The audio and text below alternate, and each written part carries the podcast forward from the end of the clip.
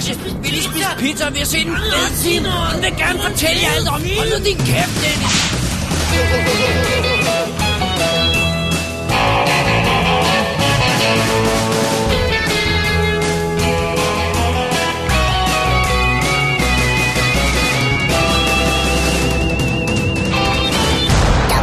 Definitive DVD Velkommen til episode nummer 103 af Double D's Definitive DVD podcast. Mit navn er Dennis Rosenfeldt, og foran mig sidder. David Bjerre. Og i dag, så er det jo, at vi må indse, at det er ondt at være i Korea. Det er virkelig ondt. Altså, det er ikke bare lidt ondt, det er virkelig meget ondt. Totalt ondt. Og så opdager vi også, hvordan Robert Redford han kan løbe hurtigt. Så skal vi ned i dybet. Og så oplever vi også, hvordan det er, når Odin spiller svensker. Er du, kære lytter, forvirret, så er der en lille chance, for det her er ikke så slemt, når du har lyttet til denne udgave af Double D. Ja. Så vil det hele give mening lige pludselig. Ja, Håber vi. tror jeg. Ja, vi satser. Måske. Forhåbentlig. Åh, Dennis, vi er tilbage efter en lille break, er det jo nærmest, ikke? Jo, det var en lille, lille break. Ja, der var lige lidt sygdom, Der var lige og lidt så sygdom, og... var der lidt øh, opgave, og Ja. Men nu, Ja. ja. altså, i næste uge skal jeg op og forsvare, og så er det slut. Så er det slut. For now. Så er du bibliotekar. Shit, det blev lige, nu blev det en, det er din skyld! Nu blev det en explicit episode. Ja, jeg tror, vi bare vi, vi bipper den. Vi bipper den. Alright. Alright, Så kan du se, hvad du bringer, bringer op i mig. det er smukt. Det er ondt. Dennis, skal vi lige uh, tjekke med vores afstemningspoll, inden vi går videre?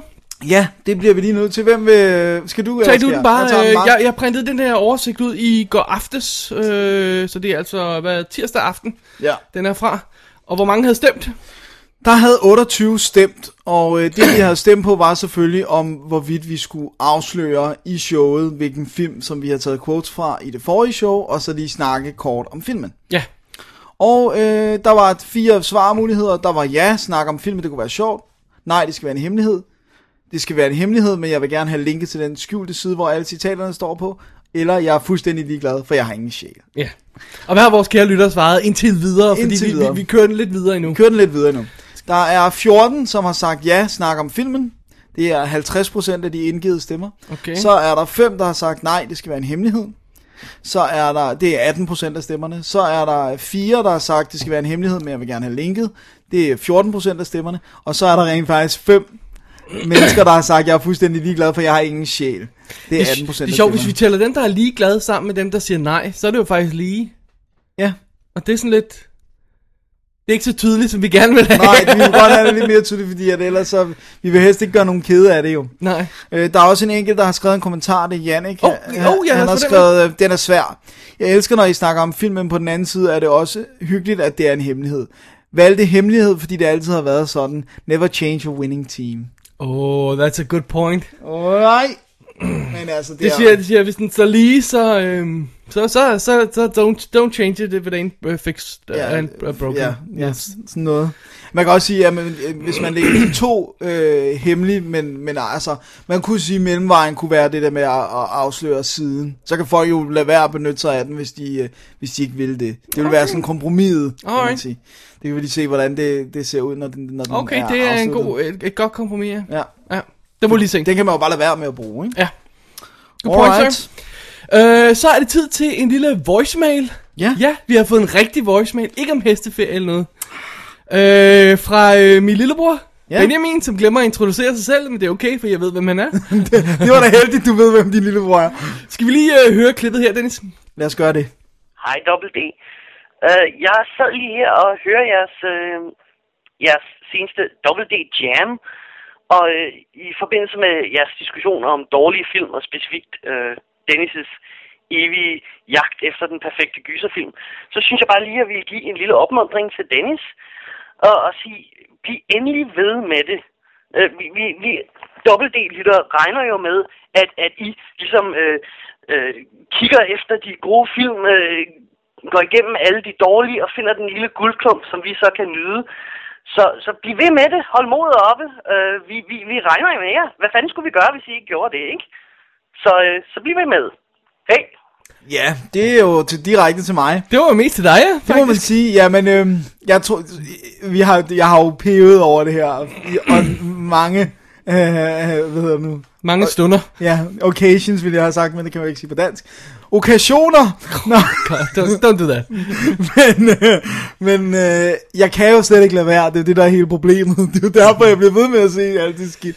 Så øh, selvom jeg piver og sådan noget, så er øh, gyser jo en af mine favoritgenre, så derfor så vil jeg højst sandsynligt blive ved. Jeg må, jeg må nok sige, øh, apropos gyser og After Dark, jeg ved godt, man ikke skal tage det helt for gode varer og så videre, men nogle af de der, jeg har siddet og kigget på, på IMDb ratings på nogle af de der nye After Dark, der kommer, og vi er nede i sådan 2-3 stjerner. Men for lige at clarify, dem du snakker om, det er dem, der hedder After Dark Originals. ja, som hvor- kommer nu her. Ikke, ikke et, øh, en af de sædvanlige After Dark øh, Horrorfest. Horrorfest Ja. øh, releases, som vi jo havde rimelig stor held med sidste gang, vi så Ja. dem faktisk. Ja. Øh, men, men de har simpelthen produceret nogle original film, som de Ja, sender de ud sender under ud under banneret After Dark. After Og, Dark øh, Originals. Originals, ja. Og øh, puha, det ser ikke godt ud. Nej. Jeg så der kom ind om uh, Area 51 også. Ja, Det så meget cool ud. ja vi skal Vi- nok se dem. Ja, vi, men, vi, øh, som, som du selv siger, vi kan jo ikke lade være. nej, vi kan Men ikke tak til, til Benjamin for, Ja, for voicemail. det Jeg super sætter godt. pris på, Ja, at der er nogen, der sætter pris på mine lidelser. Og vi sætter pris på hans voicemail. Ja. Jeg har fået en, øh, en, øh, en mail også. Vi har fået en mail, undskyld, jeg- jeg har svaret på den, det er derfor, jeg sagde jeg. Ja. Øh, fra, fra en af vores, øh, for, har jeg fornemmelsen af, relativt nye lyttere, ikke? Det virker sådan. Ellers så må Øhm, han skrive og rette os. Og ikke fordi der er så forfærdeligt meget at læse op, men jeg synes bare lige at tage den med, fordi det var meget god alligevel. Det er, øh, hvad hedder den kære Nils, som jeg har glemt efternavnet på. Rosenkrantz. Rosenkrantz, er det sådan, det er? Ja. Godt, takker. Som startede med at skrive til os, om øh, øh, han ikke kunne få os til at anmelde herværk fra 1977. Og vi skrev tilbage til ham, øh, at, at det, var, det var et super godt forslag, og øh, jeg ved ikke, hvorfor han lige fandt på den, men øh, den er rent faktisk udgået, og der er ingen ja. af os, der har den. Nej, altså jeg har set den, men det er så lang tid siden, så jeg kan ikke, jeg kan ikke øh, retfærdigt anmelde den, uden at have genset. Nej. Har du nogensinde set den overhovedet? Jeg Måske har set i skolen, man så en den i gammel med Ole Ernst. Jeg kan ikke huske, om det er den, eller den anden, han lavede, som... Oh, han lavede Den der med gangsterens lærling eller sådan noget, er det ikke også? Jeg kan ikke huske det. Nå, anyway. Ikke nok til at anmelde den i hvert Nej, fald. nej. Øh, og så skrev han tilbage senere, om han kunne komme med et andet ønske. Han ville nemlig også gerne høre en anmeldelse af Bananen skralden før din nabo. Som jo er, tak Niels jo, øh, Som jo jeg så i biffen. En af de notorisk dårligste film, der nogensinde er lavet øh, i, i Danmark. Og øh, du har rent faktisk set den. I biffen. Jeg har aldrig set den. Kan du ikke huske, vi snakkede med en af skuespillerne, der er med i den, nede i disken, nede i laserdisken, Ja, det var kort tid, inden vi lukkede København. Åh oh, ja, hvad fanden? Hvor at, øh, at vi stod og snakkede, han fortalte om det der, hvor de skulle rende rundt i et telt og sådan noget, hvor de var ved at blive kørt ned af et tog. Men, øhm, men der fortalte jeg, at jeg var inde og se den til en børnefødselsdag, Ah. hvor vi alle sammen var sådan rimelig freaked out, fordi vi kunne ikke forstå, om det skulle være sjovt, eller hvad det skulle være. Så vi var sådan lidt, lidt freaked. Generelt så bliver den og så Elvis Hansen en samfundshjælper. Sjovt nok begge regner resten. øh, betragtet som nogle af de dårligste danske film ever. Ever. Øhm, og så skal jeg så tilbage til øh, Nils igen, at øh, jamen, det er altså meget fint, men den er rent faktisk ikke ude på DVD. Og man kan jo ikke skaffe en VHS mere, selvom jeg går ud fra, at den var released på VHS i tidens morgen. Ikke? Den må have været ude på Jo, videobånd. det tror jeg. øhm, så, øhm, så, så det må vi melde pas til, når vi, det kan vi jo ikke. Vi kan ikke trylle jo. Og så skrev han til os, jamen jeg har den. Sådan. Og jeg tror, han må have optaget den fra tv ganske enkelt. Ja. Så øhm, han har lovet at sende bananen skralden før din nabo til os, så vi kan anmelde den, Dennis. Det forpligter jo, så Ja. bliver vi nødt til det. jeg tror, vi bliver nødt til at se den sammen. Det er fair deal. Øh, og så, så øh, åbenbart er der en bananenskralden før øh, din nabo på vej fra Nils til, til os. Jeg, sig- jeg vil sige, bro, der er stor respekt for, at ikke nok med, at man gerne vil have os til at anmelde noget, men så sikrer man sig også, at vi kan få det i hænderne, så Prøv vi at høre, kære lyttere. Det sådan er the way to go. Helst med andre film end bananen.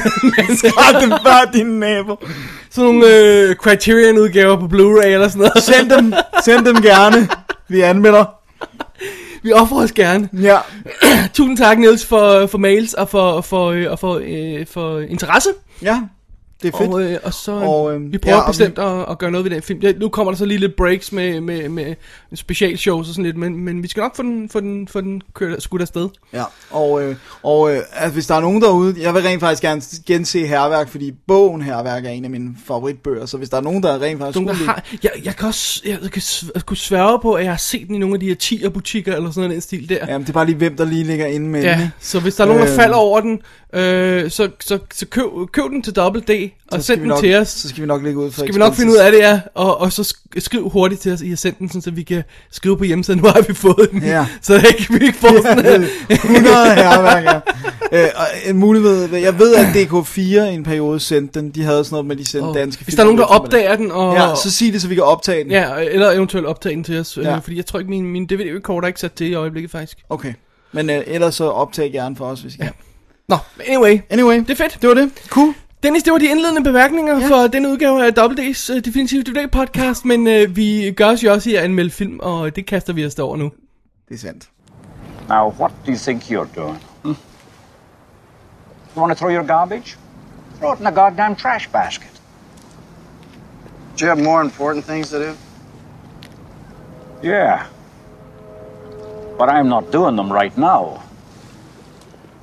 We understand each other. Okay, pal, why the Mahaska? Why are you packing the gun? I'm a treasury officer. All right. Just remember what we talked about now.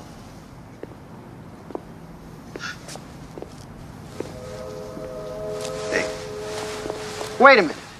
What the hell kind of police you have in this goddamn city, huh? What do they teach you? You just turned your back on an armed man.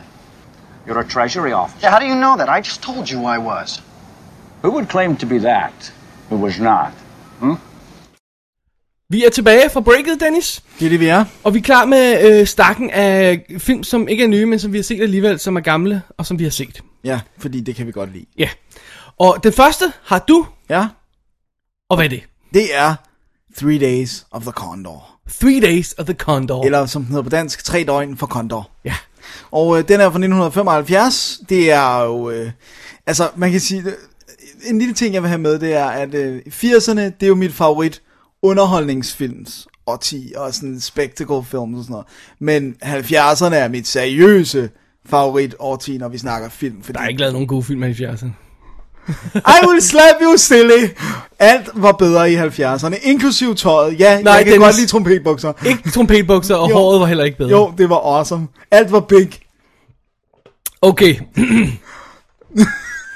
anyway, Anyway. Three Days of the Condor. Condor. Ja. Den øh, tapper ind i det her, øh, hvad hedder det nu, koldkrigs paranoia, der var, det, det, jeg vil sammenligne med sådan noget som Parallax View, og øh, egentlig også All the Presidents, men ikke fordi det som sådan er, den er ikke som sådan en kold krig, men, Ej, jeg synes godt, man kan smække dem i men samme det der kategori, helt klart, paranoia ting og sådan, altså, og, øh, og det her, det er Plus så... Robert Redford. Plus. Robert Redford, ja, ja. Øhm, men Robert Redford, han spiller her Joseph Turner, han arbejder for CIA, han er ikke en decideret agent, han arbejder i sådan et kontor, hvor de sidder og læser Altså bøger. researcher en eller anden slags, Det eller de simpelthen gør, er at læse bøger, og så skrive dem ind i computeren, og prøve at se, om der er skjulte beskeder i dem. Altså det var, hvor meget paranoia der var under den kolde krig. Ja, og det ikke også som om, de er ude på det der med at samle sådan en katalog over øh, ting, der står i bøger, med om, hvordan, kan man skjule et mor, og hvordan kan man... Øh, altså sådan nogle, sådan Jo, nogle sådan idéer. er også. øh, sådan men, men det primære, det, det siger han på et tidspunkt, det er det der med, at vi skal lede efter hidden messages eller sådan noget. Ja, Også- men, men det virker også som om, de går meget op i det der med, at når man, øh, jeg har læst det her mormysterie, og så udfordrer de de andre til at Til gætte, hvordan ja. det er lavet og sådan noget. Ja, ikke? men det var, men, det, men altså, i hvert fald hans primære job er at arbejde bøger, og de er, er på sådan et kontor, som hedder Preservation of American Literature. Altså, der, der er ingen, der ved, det er et lille CIA-kontor, der ligger her midt i, i byen, ikke? En dag, så skal han øh, ud og øh, købe sandwiches til hele, hvad hedder det nu, øh, hele kontoret, for det er jo bare sådan hyggekontor-agtigt. Og da han går ud, han går ud af bagvejen, så er der simpelthen nogen, der kommer ind af øh, forentræen og myrder alle i det her kontor. Da, da, da, da. Det var helt appropriate. Hvad hedder det nu? Øhm, og øh, de er anført af, øh, hvad hedder det nu, en mand, som vi ikke har navn på, men som vi kan se er Max von Sydow, som har blød filthat og briller og øh, ser meget øh, menacing ud. Og øhm, øh, da han kommer tilbage, øh, Robert Redford, øh, med sandwiches, så finder han jo selvfølgelig øh, det her kontor fuldstændig øh, smadret, og alle er døde. Og øh, hvad skal han gøre? Han løber ud til en telefonboks, ringer ind og siger, øh, jeg er Condor, eller codename Condor, og alle er døde, alle er døde, hvad skal jeg gøre? Og de starter med at sige, ringer du fra en secure line? Nej, nej, jeg ringer fra en telefonboks. Og, og, og så får han øh, skæld ud for det og sådan noget, og de fortæller ham, at han bliver nødt til at holde sig i live i nogle timer, og så skal de nok arrangere noget pick-up på ham, og af, hele maskineriet bliver sat i gang. Ja. Og øhm, det gør han. han. Åbenbart sker det her så ofte på CIA-kontoret, der er en plan for det. Der er en plan for det. og øh, de sidder så på kontoret og snakker, og han siger, så, da han kon- kontakter dem, så siger han, der skal være en, jeg kender til stede, før jeg kan tro på, at det I er, altså, ved det der pick-up, ikke? Ja, fordi han begynder allerede at mistænke, at der er noget der er galt. et med eller andet galt, Ja. ikke? Og, øhm, og der er, han kender en, der arbejder i regnskabsafdelingen, så ham tager de med, han er heller ikke en agent overhovedet. Øhm, men da, da øh, Robert Redford så ankommer, så begynder ham, øh, CIA-agenten, som han ikke kender, at skyde. Og hans ven bliver slået ihjel, og det hele er kaos. Og han ved nu, at CIA er ikke interesseret i at hjælpe ham, men han ved ikke hvorfor, hvad det er, der foregår, og hvordan han skal komme ud af det her. Og det er så kort tid efter her, nu skal vi bare lige have den sidste karakter med, at han kidnapper øh, Kathy Hale, øh, spiller af Faye Dunaway, og øh, hopper ind i hendes bil med hende og kører hjem til hende, hvor han så kan sidde og tænke og har et sted, hvor ingen ved, at han vil være. Ja. Og så skal han finde ud af, hvorfor er hele det her kontor blevet udryddet, og hvad er det, der foregår. Ja. Det er it. det. Er det. Good old fashion øh, spionfilm, øh, Ja. agentfilm, øh, fyr on the run film, ja. hedder sådan noget. Ja, præcis. Og hvor gør den det dog bare sindssygt godt. Altså, God, I love this Altså, film. som, som det er med de 70'er film. Du skal finde dig i de sjove frisyrer, du skal finde dig i, at alt er lidt gammeldags og sådan noget.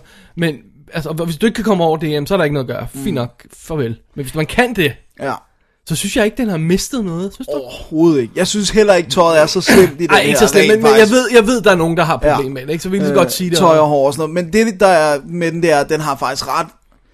At de her spion-thrillers fra 70'erne, der vil jeg sige, at den ligger i den mere tempofyldte ende.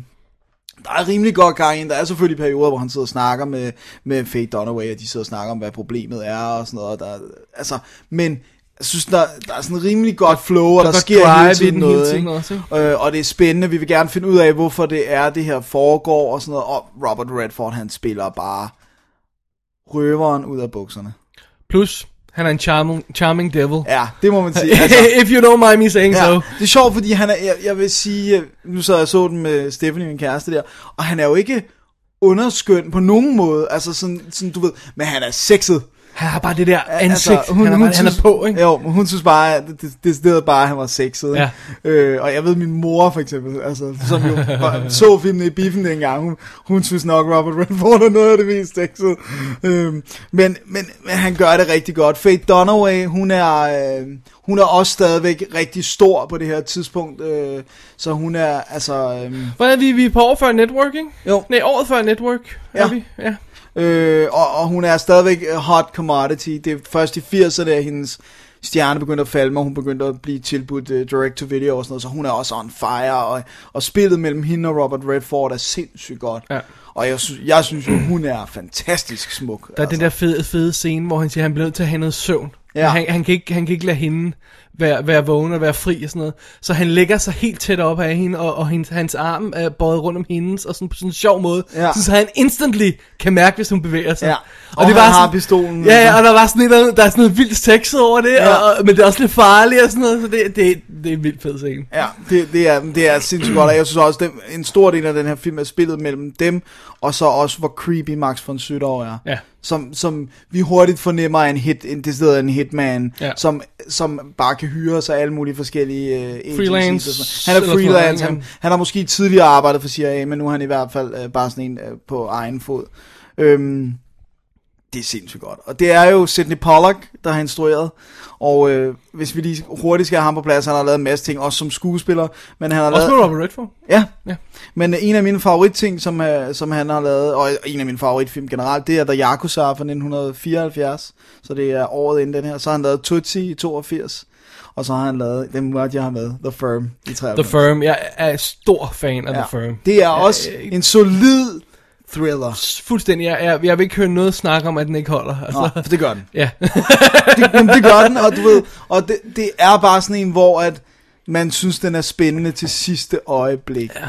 Altså, også selvom man ved, det er en Hollywood-film, og må ikke Tom Cruise klare skærene, så er det riveting. Ja. Og det er Three Days of the Condor også. Og så, så har den så det fede, det som man kunne tillade sig i 70'erne med, at slutningen er ikke nødvendigvis en neat little øh, sådan bow. Nej, plus, øh, man er heller ikke helt sikker på, hvor den er på vej hen. Nej. På den tidspunkt, det kan jeg da i hvert fald huske, da jeg så den sidst, der begynder man lidt at tvivle, om Robert Redford er helt straight up med os, om vi ved alt om ham. Ja. Fordi, hvorfor ville de ellers være så... Så vrede, eller... ja, ikke? Altså, så, så, så, der er sådan nogle, der er sådan nogle øh, aspekter i den, som du selv siger, slutningen, som vi ikke skal komme ind på her. Men det er bare sådan, det er jo ikke sådan, øh, som man vil øh, gøre i en moderne Hollywood-version af den, hvor øh, agenten, der har jaget ham hele filmen igennem, finder ud af, at han er uskyldig, og så giver de hinanden hånden og går ud mod solopgangen til Ah, sidst. ah, nej, nej, nej. Altså, Vi, det, er Det er slet ikke det det, det noget, territorie, vi er i. Ja. Ja.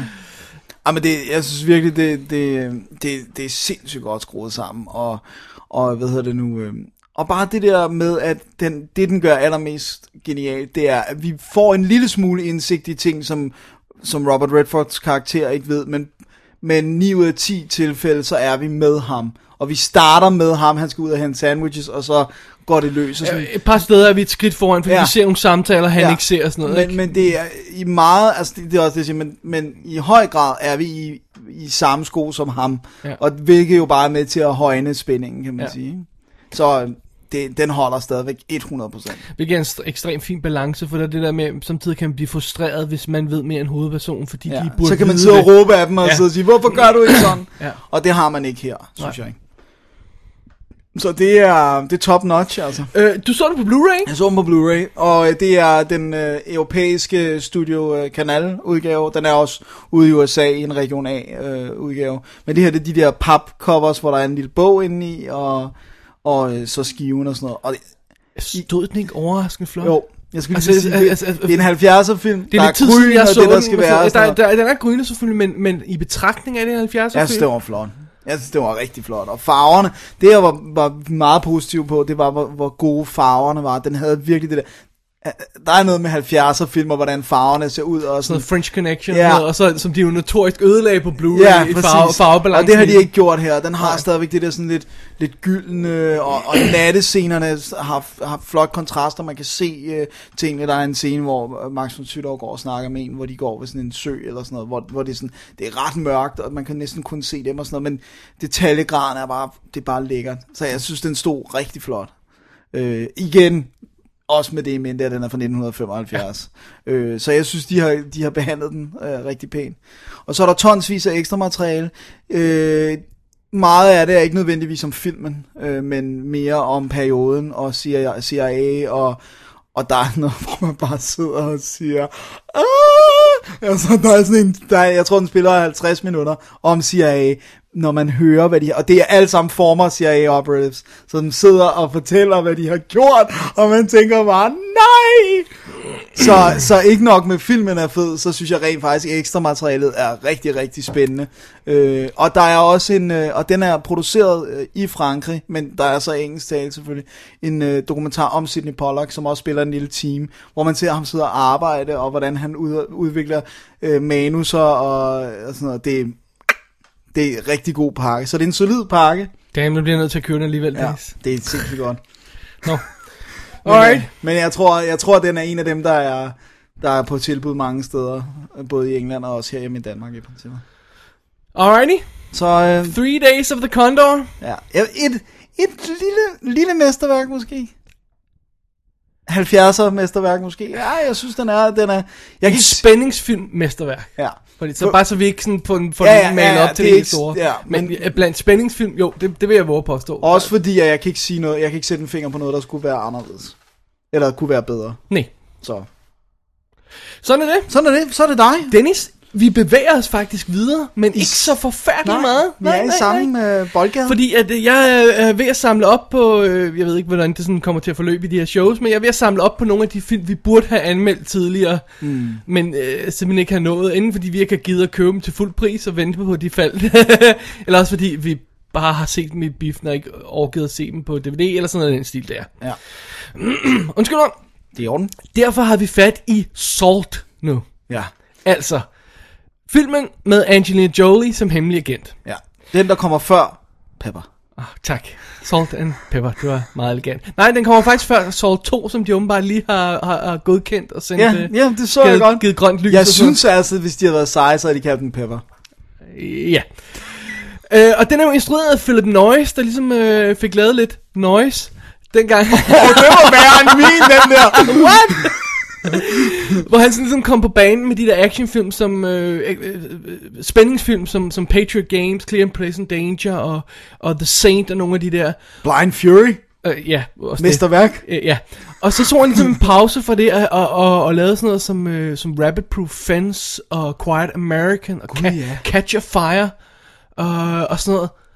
Og man tænkte, okay, han er gone, ikke? Ja, han er i hvert fald gone væk fra actionfilmen. Men så vender han pludselig tilbage og laver actionfilm igen, og ja. har ikke mistet et beat, sådan Nej. umiddelbart, ikke? Er det også ham, de har sat på toeren som instruktør så? Det ved jeg ikke. Jeg tror ikke, de har sat nogen på endnu, hvis okay. jeg skal være helt ærlig. Bare hende, selvfølgelig. Og så er historien skrevet af Ku- Kurt Wimmer, som jo øh, lavede øh, Equilibrium. Ja. ja, og desværre Ultraviolet. Ja.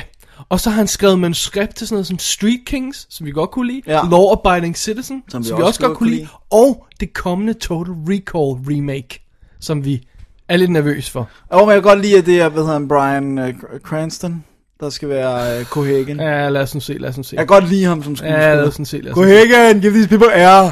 Men anyway, det er sådan, så det er et relativt powerful team, der er, der er bygget op bag kameraet her, øh, på den måde. Og så har vi Angelina Jolie som Evelyn Salt, der jo altså er CIA-agent. Øh, Liv Schreiber som hendes boss. Chiwetel Ejiofor som øh, hendes, øh, hvad skal vi sige, en, en, en gut i en anden afdeling, Ja. ganske enkelt. Ikke? Så sådan øh, gode navne på og sådan noget, ikke?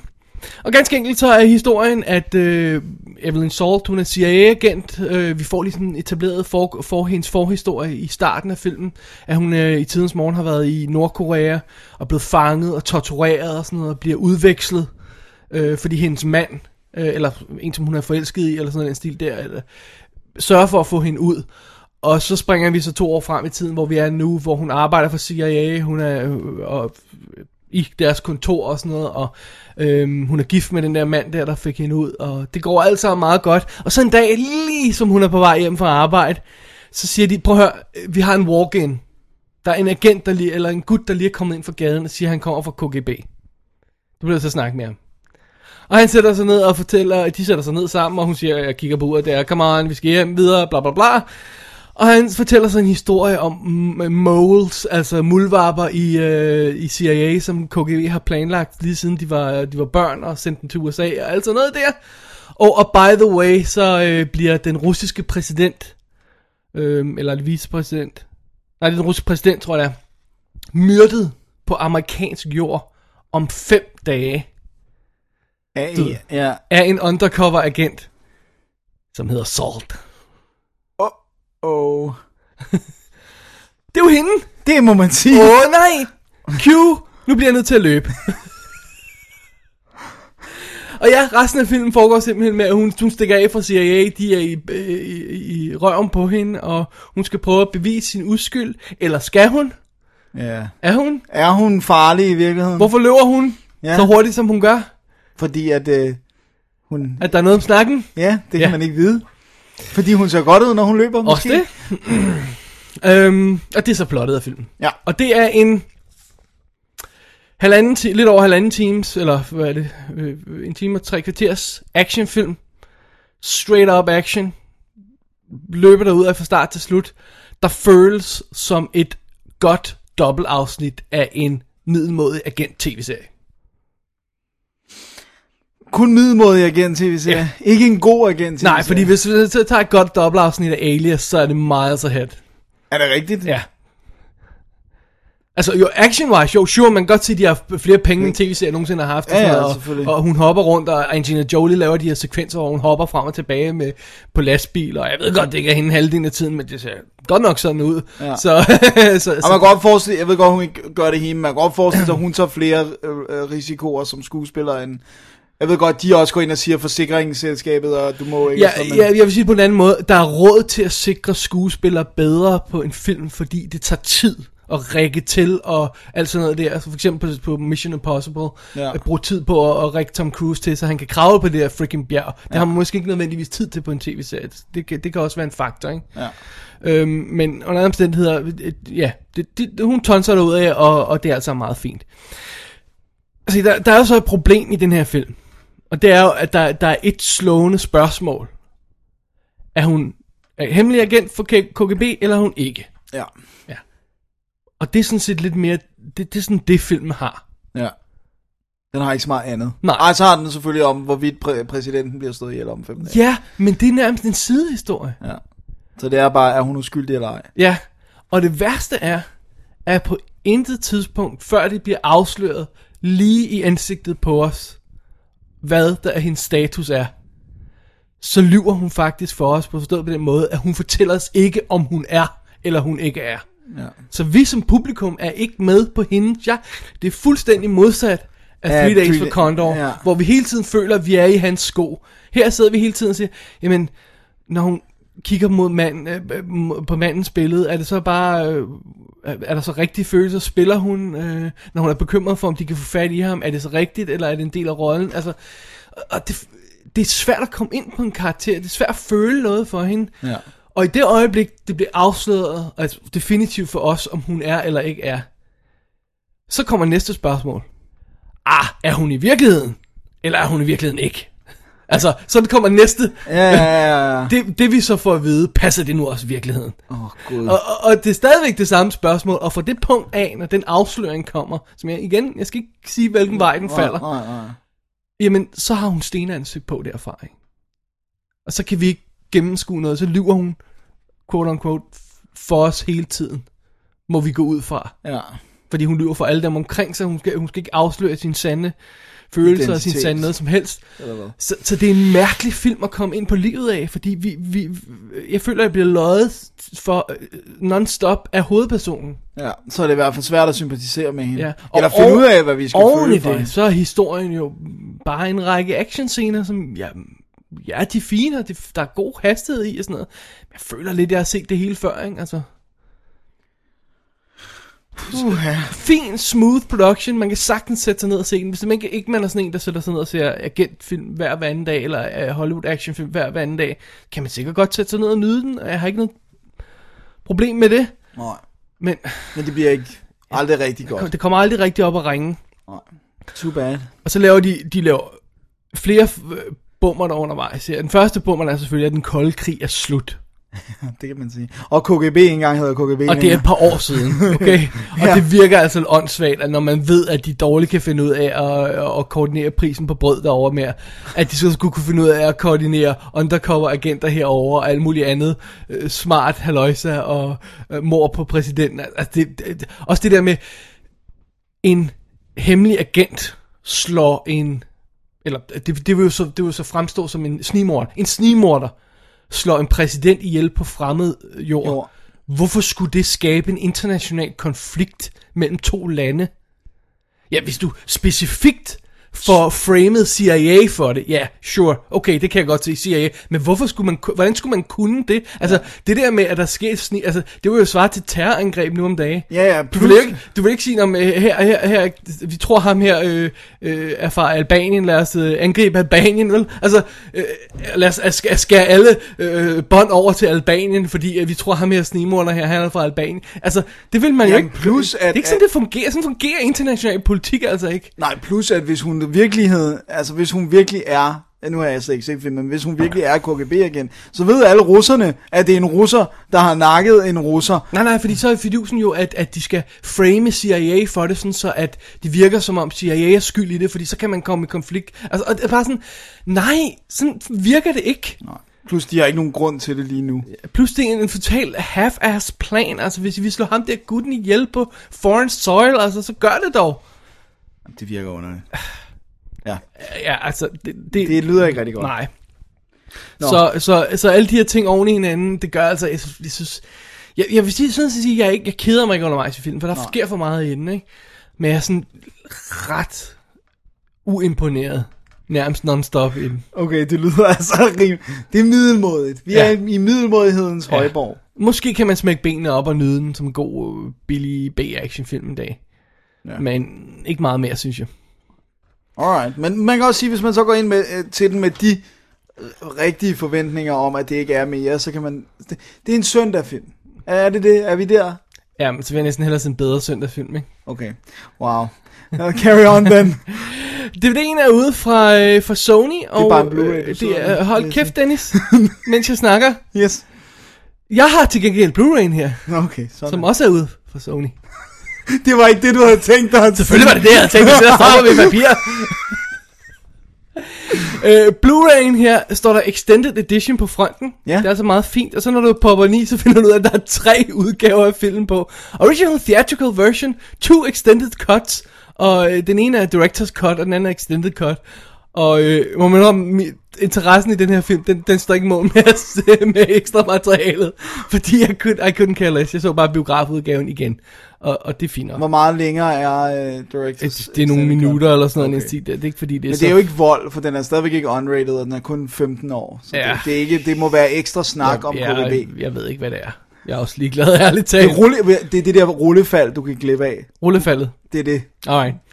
Angelina Jolie Assault, og det, det, det går selvfølgelig den værste forbrydelse, man overhovedet kan begå Hvad i er en det? film. Hvad er det? Cliffhanger-slutning. Nå, så er det derfor, der kommer en tor, kan Ja. man sige. Og jeg snakker ikke bare om sådan noget med, altså, jeg snakker sådan noget, du, du nærmest forventer, der kommer et to be continued skilt på. Okay, så det er det, det er opretholder endnu mere tv-serie feelet. Ja, ja. Wow. Lige netop. Det kan være, de skulle lave en tv-serie. Det er ikke rent faktisk en, der er baseret på en tegneserie eller sådan noget. Ja, ja, ja. Nej, nej, det er fordi, det er, original script er Kurt Wimmer. Okay, okay. og, og, original i air quotes. Ja, fordi det er ikke så original. Alright. Det er det. Dennis, du har næste film. Ja, det er mig, der har den næste film, det er sandt. Og det er øh, en øh, modellervoksfilm. Eller ej, ikke modellervoks. Hvad hedder det? Sådan noget. Gå lige tage noget mere kaffe. Nej, nej, nej. Ligesom uh, Wallace and Gromit. Det er ikke, det er ikke modellervoks. Hvad er det, de kalder det? Claymation? Claymation, Ja, Claymation. Jeg ved Ja. ikke, om det er reelt. Er modellervoks, de laver det. det, det ser ud som om, det er lidt hårdere måske ja. end modellervoks. Motister ikke aner, hvad det reelt er, der går i de der produkter, men øh, ja. Alright. Men det er en film fra 2009, som hedder Mary and Max. Ja. Og den er instrueret af Adam Elliott, og det er hans første spillefilm. Han vandt en Oscar øh, for Harvey Crumpet, i, øh, som han lavede i 2003. Men det her det er altså så hans første fuldlængdes øh, spillefilm. Og øh, i filmen der følger vi øh, Mary Daisy Dingle, som er en øh, australsk pige, der bor i en forstad til, øh, i, i 1970'erne, skal vi lige være på plads, i en øh, forstad til Melbourne. Og øh, hendes mor er en øh, drunken alkoholiker, som fortæller... Drunken alkoholiker. Ja, jeg er meget... Altså, ja, det er sandt. Der skal at tage. hun er ekstra drunken alkohol. Hvad hedder det nu? Og hun, øh, hun fortæller datteren, jamen hun, det er en speciel te, som hun prøvesmager, og man er nødt til hele tiden at smage på den. Den hedder sherry. Man skal hele tiden smage på den. Og vi var altså etableret, hvor fantastisk hun mor hun er. Hun står og bager, og så asker hun ned i kagen, øh, og hvorefter hun smider den ind i opvaskemaskinen og tænder. Det er niveauet af sådan loving mom. Uh-oh. Og så har vi faren, som øh, arbejder med på en fabrik, hvor han sætter snor i teposer. Han sidder og trykker på en knap, hver gang der kommer en tepose forbi. Wow. Og så når han kommer hjem, så sidder han i skuret og udstopper dyr. Så, så han ser heller ikke så meget til sin datter. Og Mary, hun, er, hun har briller, hun har et stort øh, modermærke i panden, så, så hun er ikke sådan den mest populære Åh. øh, pige i øh, skolegården, kan man sige. Og øh, så en dag, da hun, øh, hun har nogle spørgsmål omkring livet og det der, men hun kan ikke rigtig spørge sine forældre. Så en dag, da hun er på posthuset med sin mor, så går hun hen og slår op i sådan en sådan et kæmpe indeks øh, over øh, navne og adresser og sådan noget. Og så lader hun bare fingeren køre, stopper ved, øh, ved et navn, og det er så M. Horowitz i New York. Og øh, så skriver hun det op på sin arm, og så da hun kommer hjem, så skriver hun, begynder hun at skrive et brev til den her person, hvor hun stiller nogle af sine spørgsmål omkring livet, hvordan børn bliver til. Hun siger, hun har fået videre i her, der kommer de i øl, glas. øh, gør de også det i USA, eller kommer de i cola-dåser måske i USA? noget. Men hun kan ikke forestille sig, at de kan komme ud af dåsen. Hun har sådan nogle fede spørgsmål. Altså, hun er jo ikke særlig gammel, hun Nej. er kun 8 år. Øhm, og så vedlægger hun en chokoladebar, pakker den ind, sender det afsted til USA. Så kommer vi til USA og ser ham, øh, øh, Max øh, Horowitz der, som er en øh, 43-årig Asperger-syndrom ramt, øh, tyk angst mand, der bor i sådan en lille øh, lejlighed, øh, og er bange for alting. Og hans første reaktion på det her brev og de her spørgsmål er også at gå i fuldstændig panik. fordi nu bliver alle rutinerne brudt. Hvad er det, der foregår? Men han bløder sådan alligevel op, fordi han elsker også chokolade. Han har nu har fået chokolade. og han er med i Overeaters Anonymous og alle de her ting. Vejen til en mands hjerte. ja, præcis. Så øh, han svarer, prøver at svare hendes spørgsmål så godt som han nu kan. Right. Øhm, og det starter så en øh, korrespondence imellem de her to meget ulige øh, mennesker, kan man sige. Og vi får så sam, hele tiden i takt med det, får vi indsigt i Marys liv og i Maxes liv, og hvordan det er og sådan noget. Og, og det er så ligesom filmen, det er deres brevudveksling, og den bevæger sig igennem tiderne. Så starter i 70'erne, men, men man kan se, at Mary hun vokser mere og mere op og sådan noget. Så det er det, det er setupet. Alright. Ja, Ja. det lyder jo... Øh, spøjst. hvad hedder det nu? øhm, Det første, jeg vil etablere, det er den øh, visuelle stil. Fordi det er rigtig, rigtig smart lavet. Når vi er i, øh, når vi er hos Mary, så er alt sepia. Det har det der 70'er sepia, sådan meget brune toner. Der bliver virkelig understreget, det er forstad, det er nederen, der er ikke noget at lave. Okay. Sådan, du ved, 70'er tapet på væggene, og sådan, så farverne er totalt spot on. Så når vi er i New York, så ligner det en film noir. Det er næsten sort-hvid, og sådan alle farverne er trukket ud, det hele virker sådan troende, øh, ga- gaderne virker troende, det var de jo også i New York i 70'erne, var vist ikke det mest festlige sted at Jeg opholde tror sig. stadig ikke, de er troende Ja. gaderne jo. Men, øh, men de er nok ekstra troende for en mand, der ikke forstår sådan helt, hvad det er, der foregår omkring Sikkert. ham. Øhm, og skriver vrede breve om, at han synes, at bøden for at smide affald på gaden skal sættes op til en million dollars og sådan noget. øhm, og så har den det der med, at der er nogle få ting, der har farver. Hun sender ham sådan en lille rød pompon, som hun kan lave. Hun sidder og hækler eller sådan noget. Og så sætter han den op på sin øh, kalot. Og så kan man se, at den er i farve, men det er næsten alt andet er sort så der er sådan den der røde. Oh. Så den har, den har en meget klar visuel stil for de to øh, verdener, kan man sige. Og så øh, er det, hvad hedder det nu, det er Philip Seymour Hoffman, der øh, lægger stemmen til Max, og han, man kan ikke genkende hans stemme. Han gør, altså, det, det, det, det er, vi, vi har tit snakket om det der med, at nu er det jo blevet populært til tegnefilm, og, og så også noget, at alle skal være stjerner. Problemet med det er bare, at man, øh, at man sidder og tænker, øh, nu er det Jack Black, nu er det ja. Ja. Robert De Niro. Altså, og det fjerner alligevel en lidt fra fra filmen på en eller anden måde. Det er svært at forklare, hvorfor det gør det, fordi man, når man ser dem som skuespillere, så kan man jo også se det dem. Men der er et eller andet med, at man fokuserer på, hvem er det, der lægger stemmen til det her. Og når man så ikke kan, på nogen måde altså, kan genkende Philip Seymour Hoffmans stemme, så gør det, at der ikke er den der barriere. Øh, til gengæld bemærkede jeg Eric Baners stemme med det samme, da han lægger stemmen til en, der bor på, på hende, Ah. øh, Marys vej. Og så er det en, der hedder Bethany Whitmore, der lægger stemmen til den unge Mary, og så er det Tony Collette, der lægger stemmen til Grown Up Mary. Og det er faktisk lidt strengt, at de giver Tony Collette så meget øh, name credit, fordi at det er næsten, altså det er største delen af Bethany Whitmore, fordi hun er barn, ja. Ja. en meget stor del af filmen. Right. Øh, men okay, hun er selvfølgelig en, øh, en kendt Hun er en person. navn. Ja. Og det er Øh, derfor, man hører de der Det er derfor, man hører. Yes. Men, øh, men hende genkender man heller ikke som sådan. Det her er... Årets film. Det, hvis, hvis den havde været, hvis jeg kunne sige det, hvis jeg kunne, så den, lige nu kunne jeg have den ligget nummer et på min top 10. Det kan jeg jo ikke, for den er for gammel nu. Ja. Men goddammit, det er et mesterværk. Det er, altså, måden den er lavet på er øh, unik, synes jeg. Er, selvfølgelig er der sådan noget som Wallace and Gromit, men hvor, men hvor striks han er i at holde de der farvetoner og holde de her separate verdener og sådan noget, det er, synes jeg, er rimelig unikt. Og jeg synes, at historien er så vild for en, øh, hvad hedder sådan, en claymation-film, og det er ikke en børnefilm. Det er også det der med, bare fordi det er en claymation, behøver det jo ikke at være en børnefilm Nej. per definition. Nej, og det, det er er ligesom det tegnefilm, eller ikke behøver at være Nej, børnefilm. præcis. Øh, men det vil, jeg jeg vil klart sige, at det er ikke en, jeg synes ikke, det er en film, man bør se med, med, med sine børn, for, for der er nogle vildt grumme ting, og det er også en relativt deprimerende film, et, øh, et langt stykke hen ad vejen, og jeg må ærligt tilstå, nu ved vores lytter jo efterhånden, at jeg er blød som smør, når det gælder film, men øh, jeg havde virkelig, virkelig øh, svært ved at... Du, du tude. Ja, men ikke bare tude. Altså, jeg er tude, og jeg gjorde det mange gange. Fordi der er også bare det der med, at de her to mennesker, som er på hver sin side af kloden, hvor ensomme de er. Det er det, det, den virkelig får understreget. Det, det, jeg synes, det er, hvad hedder det nu, heartbreaking, den der ensomhed. Det der med, at der er masser af mennesker omkring Max, men der er ikke nogen, der bemærker hans eksistens.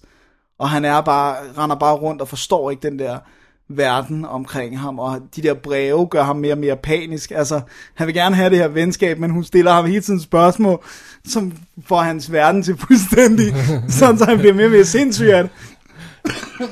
Skål.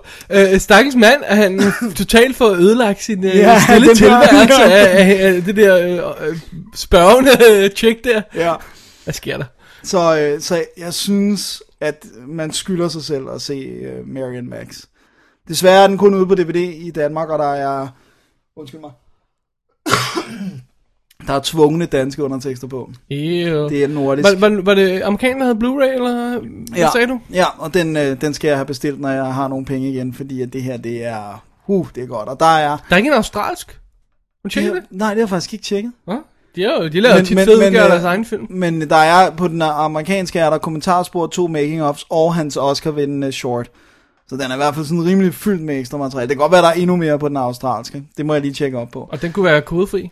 Ja. Eller kode 2. Ja. Men det er jo da Men nemmere, det- men- nemmere tit, ikke? Altså, Jo, men nu er det ligegyldigt for mig også jo. Men det er stadigvæk nemmere som tid at have en film, der er ja, kode som 2, er hvis man skal se den andre steder, eller sådan noget. Det er have den med rundt og sådan noget. Øh, men jeg vil bare sige, at hvis man gerne vil se den, og man sådan er lidt tøvende, så koster den 20 kroner nu i de der 10 butikker. Øh, den danske DVD.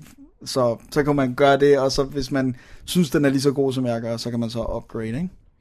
Men det gør man nok ikke. Det gør man nok. det gør man nok. Ja, ja, ja, men øh, ja, det er svært at få, at, også fordi jeg vil ikke afsløre, hvad det er, der sker. Men det er en fantastisk film, og den er lige så rørende, som havde det været menneskelige skuespillere, eller havde det været, du ved, en, re, en, en spillefilm med, altså, det er bare fantastisk. Jeg sammenligner den lidt med Op, sådan en, en mørk bror til Op, eller sådan noget, for den er meget mere mørk. Øh, men jeg synes, den var virkelig fantastisk. Alright. Så Marion Max. Okay. En lille anbefaling her fra Det kan man The- Dennis. En stor anbefaling. Stor anbefaling. Det betyder, Dennis, at det er tid til en lille break, Ja. og så vender vi tilbage med endnu et øh, par film, der er gamle. Lad os gøre det. A man become preeminent, he is expected to have enthusiasms. Enthusiasms. Enthusiasms. What are mine? What draws my admiration? What is that which gives me joy? James. Music. Oh, Baseball.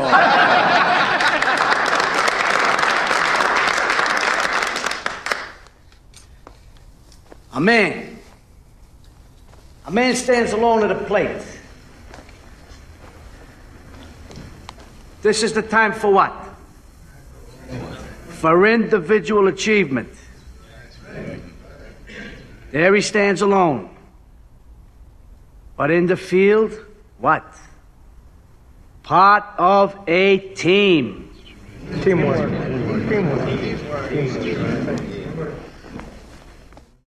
Vi er tilbage fra break, Dennis, Det er det, vi er. med lidt øh, behind the scenes tinkering, men det skal vi ikke øh, bekymre vi- publikum med. Nej, det er kun os, der skal bekymre os med det hele tiden. oh, no, the sound, the sound. Ja, det er dejligt. Alright, Dennis, øh, vi bliver i animationsverdenen. Vi er det, ligesom vi om vores, øh, vores film falder i to. Sådan, Sådan Kan, ja, i 2, 2, 2. Ja. ja, her i, i dag. Jeg har fat i filmen, der hedder 9. ja. Dejlig titel at søge på. Ikke musicalen 9, Nej. heller ikke thrilleren 9 med Ryan Reynolds, men tegnefilmen 9. Ja, som er tal 9. 9. Det, det er skønt at søge på. Ja. kan vi godt afsløre. Anyway, øhm, det er øhm, det er jo baseret på en endnu en Oscar-vindende kortfilm.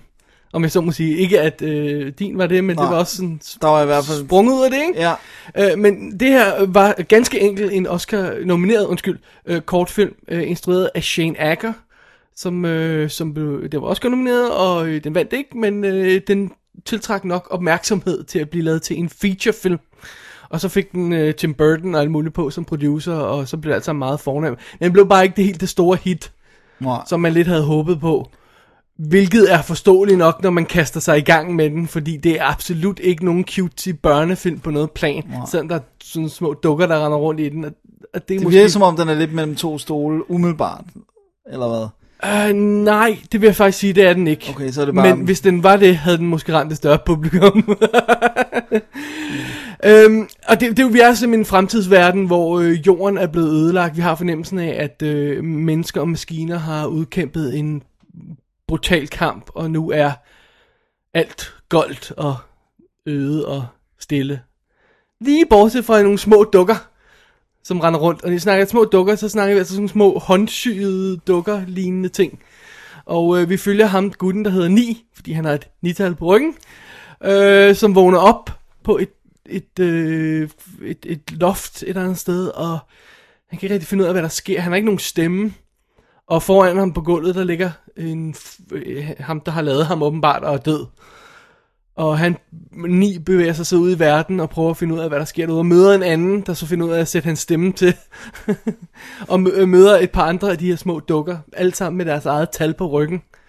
Som gemmer sig skjult i sådan en, øh, jeg kan ikke huske om det er en kirke eller et bibliotek. Eller hvad. Det er sådan en gammel bygning i hvert fald. Det, det, jeg tror det er en kirke eller sådan et eller andet. Øhm, og han finder så ud af, at de alle sammen lever i frygt for, for ting, der er ude i verden. Det er ikke godt. Du skulle have et historieteam-program, Ja, David. jeg ved det godt. Gemmer sig ud i verden. Ja. Og det er ikke godt, altså. Og, og ham lederen et ja. af det hele, han siger, prøv at høre, vi skal, ikke, gå ud- vi skal ikke gå udenfor, vi skal ikke stille spørgsmål om noget, vi skal bare blive her og håbe på det bedste. Men Ni han finder ud af, blandt andet fordi der er en af de andre dukker, der bliver kidnappet af sådan en kæmpe robothund. så siger han, prøv at høre, vi må ud og redde ham, vi må ud og finde ud af, hvad der er ude i verden, og undervejs, når han render rundt derude, så kommer han rent faktisk til at starte en fabrik, krigsmaskinefabrik med en fejl, som så kæmpe robotter begynder at samle sig og gøre ting og sager, så det bliver, det bliver meget, meget forfærdeligt meget hurtigt. Øh, og det er simpelthen vores historie. Øh, Ni skal finde ud af, hvad fanden der egentlig er, der er sket med verden og sådan noget, ikke? fordi han vågner ligesom op som den, vi følger, og, og de andre vil ikke stille spørgsmål, men det vil han godt. Han vil gerne ja. have svar, han vil gerne finde ud af, hvad der er sket. Han vil gerne finde ud af, om de ikke kan redde de andre, der bliver snuppet af robothunden. og han vil gerne finde ud af, hvad, hvad, hvad det egentlig er, der er foregået dengang. Hvad, hvad med ham forskeren, der ligger? Hvad betyder de tegn, han har set og sådan noget? Der er en af de andre folk, der tegner sådan nogle tegninger, som ligner sådan symboler. Han, han finder det symbol på sådan en ting. Og, du ved, han er sådan... Han ja. efterforsker. Ja, lige præcis. Øhm, og så er den jo computeranimeret film. Ja. Og den er computer med animeret sådan en sjov stil, som, som, som lidt ligner, at det er rigtige sådan stofdukker. Har sådan meget god, øh, hvad hedder sådan, design og... og Stoflighed, Og, og, ja, og, og stoflighed. Men samtidig så er der nogle af baggrundene, der er sådan enormt øh, stiliseret, og så er der nogle af er for eksempel sådan som nogle gange, når de løber på jorden, kan man lægge mærke til, at den er meget simpel animeret. Altså bare sådan skygger af gråt og sådan noget. Så det er sådan, det er ikke sådan, man har ikke fornemmelsen af, at det, det, det er sådan en Pixar-film, hvor øh, du kan zoome ned på det mindste græsstrå, og det er perfekt det er tegnet, detaljeret. Det, det er ikke den fornemmelse, man får. Den virker, jeg vil ikke sige billig, fordi det, det, det vil være uretfærdigt at kalde den, men den virker sådan mere simpel nogle steder, ikke også? Øh, ikke at det gør noget. Og designet er så sådan lidt det der steampunk, første, anden verdenskrigs, ruin, øh, agtige ting. Øh, og så ja, kombineret med de her steampunk robot-elementer og, og sådan noget i den stil der. Det er meget cool. Ja, det lyder Det fedt. rigtig, rigtig cool. Men, og her kommer det så. Det er jo altså ikke en børnefilm. Nej. På noget plan. Den er simpelthen, den er Al, al, alene det med, at jorden går under, og mennesker og maskiner er i en voldsom kamp, og øh, maskinerne bruger biologiske våben, har vi nemt af, så det er derfor, menneskeheden er udryddet, basically. Ikke? Øh, og, og, og, og de der robotter, der bliver startet op, og alt sådan noget der undervejs, og robothunden, der render rundt og sådan noget. Og, og, og, og når nogle af de der folk bliver snuppet undervejs i filmen, og der sker ting med de der dukker, så, øh, altså, Så er, det, Jesus så er det ikke for børn. Christ. Ej, det er det altså ikke. Nej. Det synes jeg heller ikke. Jeg tror heller ikke, de har prøvet at sælge den som en Nej, børnefilm. men så er det et problem, at man laver en film med dukker. Ja. Fordi så er det altså, så er man laver det der med at, at sige, at hvis du gerne vil appellere, at appellere til voksne, der skal sidde og se en film, hvor små tøjdukker render rundt. Altså, den er måske ikke helt, altså jeg synes egentlig ikke, den på noget tidspunkt lægger skjul på, hvad den er. Men den tanke der, altså, Ja, det med at få, få voksne til at gå ind og se sådan en film, det, det er nok et sejt træk. Ja, det er det. Det er det. Og, og, og øh, altså, nej, ja, nej, hvis man er en tegnefilm interesseret, skal man nok komme ind og se den. Men det betyder så, at den ikke får den store brede appel, den får ikke det store publikum. Fredag aften actionfilm publikum kommer ikke til at gå ind og se den. vel? Og den bare så i sagens natur heller ikke det store hit.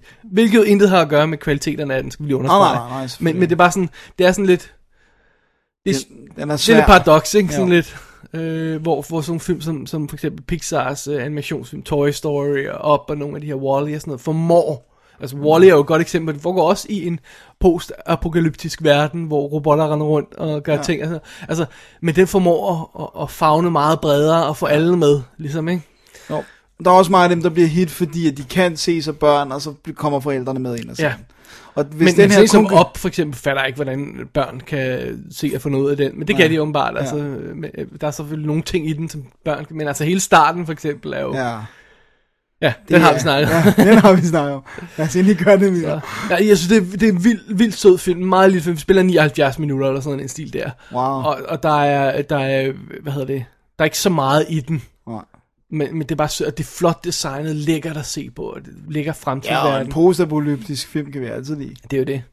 Og så med, vi snakkede om det ganske godt på sms i går. Det, det, det slog mig meget, det er meget sjov ting, at i fremtidsfilm, hvor verden er ødelagt, der kan du altid gå ind i en stor bygning, stor, imponerende bygning, som det eneste, der står tilbage, og det er biblioteket.